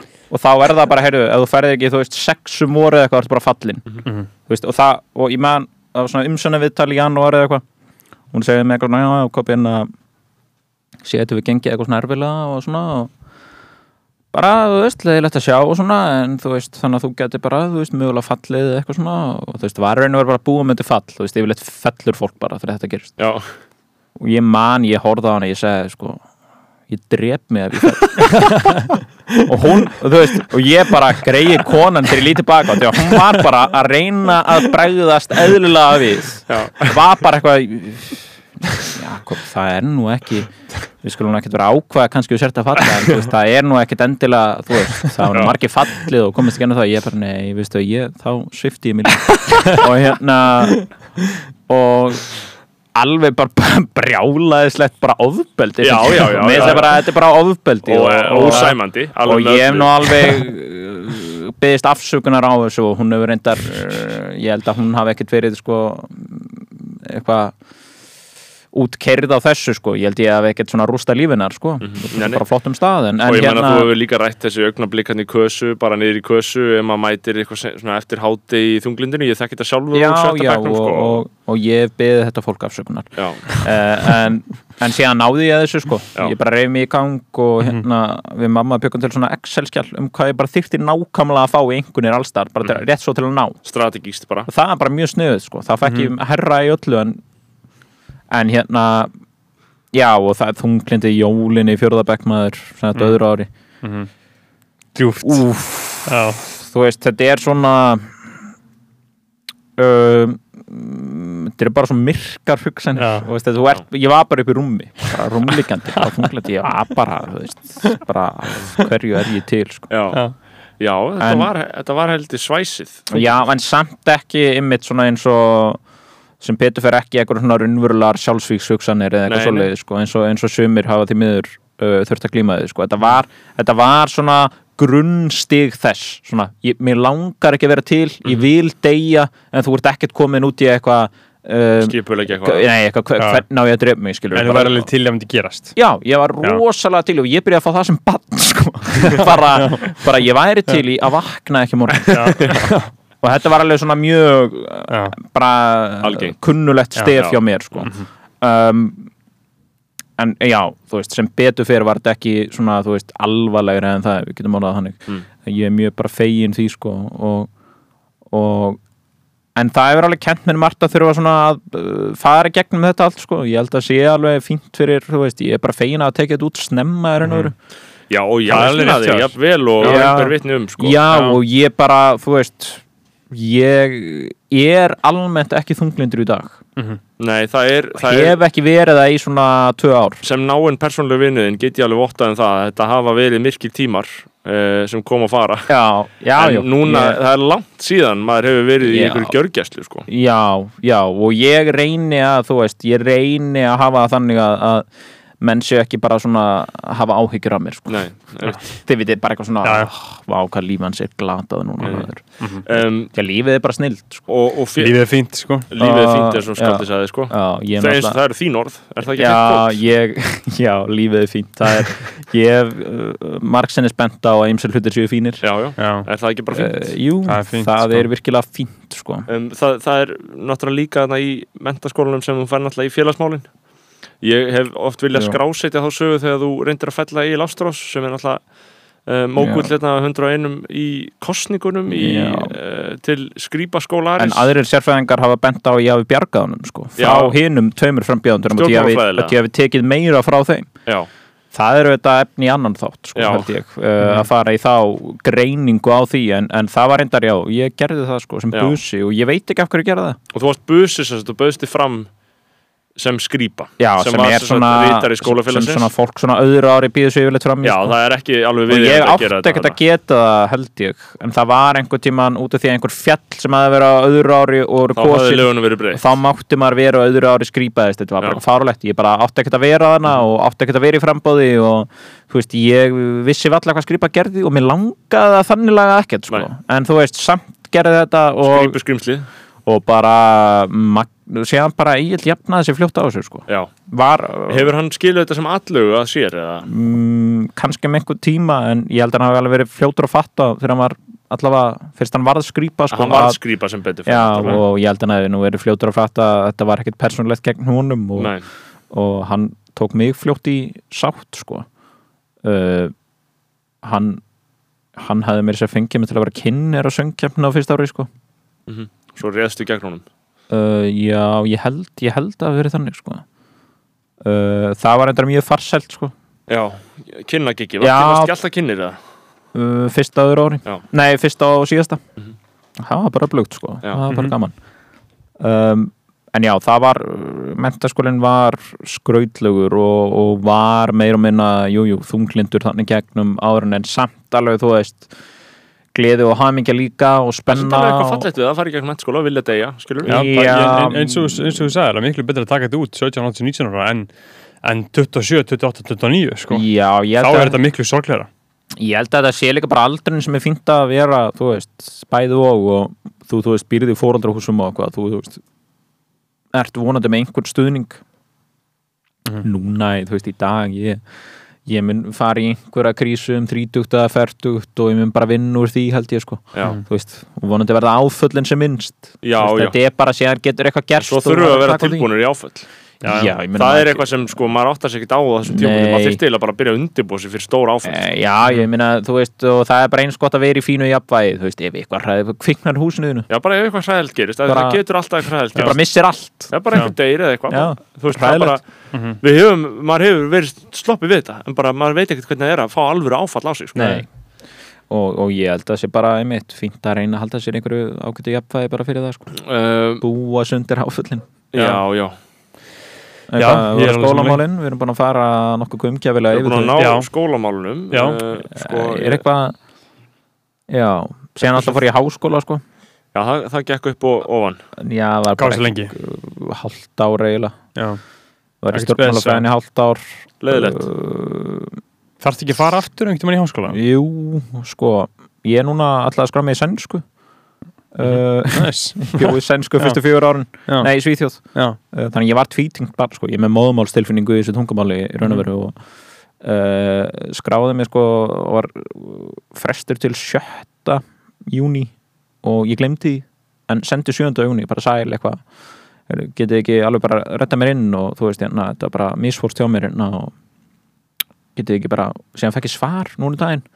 Eitthvað, það er nú ekki alveg ljóst hvort það verði hægt en ef þú hefur ennþá áhuga í ágúst skaltu hafa samband Við erum eitthvað að þessu fólki bara eitthvað, ef ég hef ennþá áhuga Hvað þýðir það? einu bara eitthvað að gera ráð fyrir það minu eitthvað drastískar breytingar eiga sér stað í lífið mínu bara í júli eða þetta því ég sótt um sænsku eða, þú veist, er þetta bara Já, þetta Já, já. fyrir því örugglega. já, Já. þannig ég þarf að senda núna aftur í ágúst sæl, Já. ég hef ennþá áhuga að fara í sænskunámið Mhm.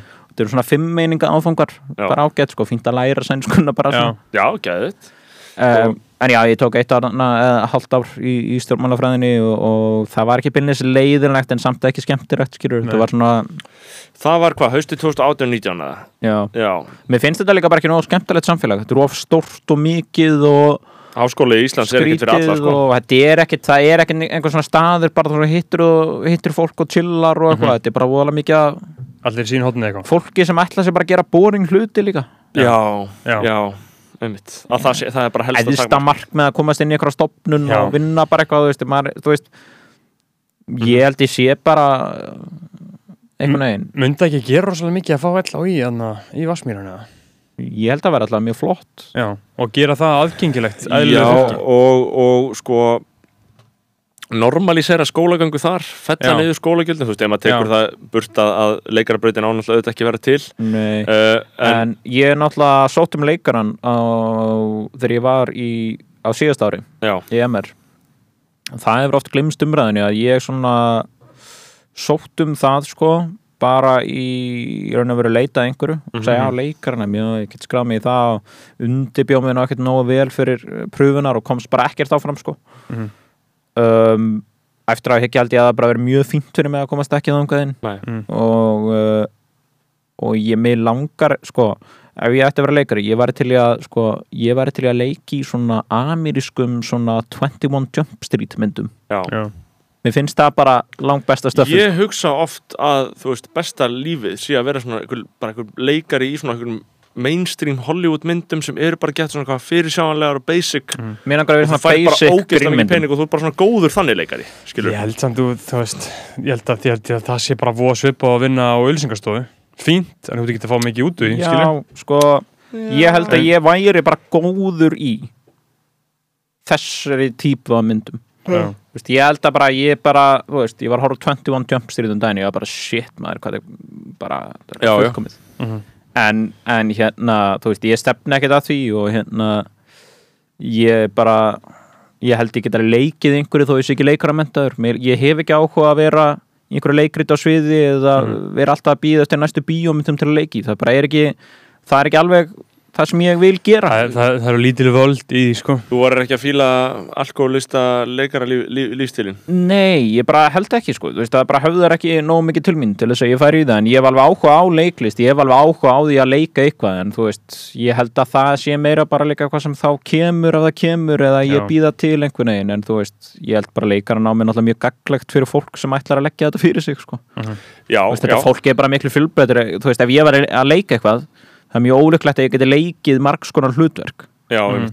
veist, ég, ég, ég væri einhverju tveir, þrýr karakterar í mestalagi Þau, þau veist fá hans í breiða svona breiðan grunn. menn margi leikarar geta eiginlega leikið hvað sem er og þeir bara gera Já. það vel. um, leikarinn hans snýst alltaf ekki um neitt annað en að bara venjast í að gera asnalega hluti já, bara þóra að leika. Já, já, þetta er bara það. Að, og síðan er restin bara náttúrulegir hæfileikar skilur, já. Og það, það hafa það, þá og sem er hafa það ekki Nei. og þess vegna verða það aldrei neitt. Þó er að farið í leikarinn á mið og Mhm. fara að vinna með eitthvað annað.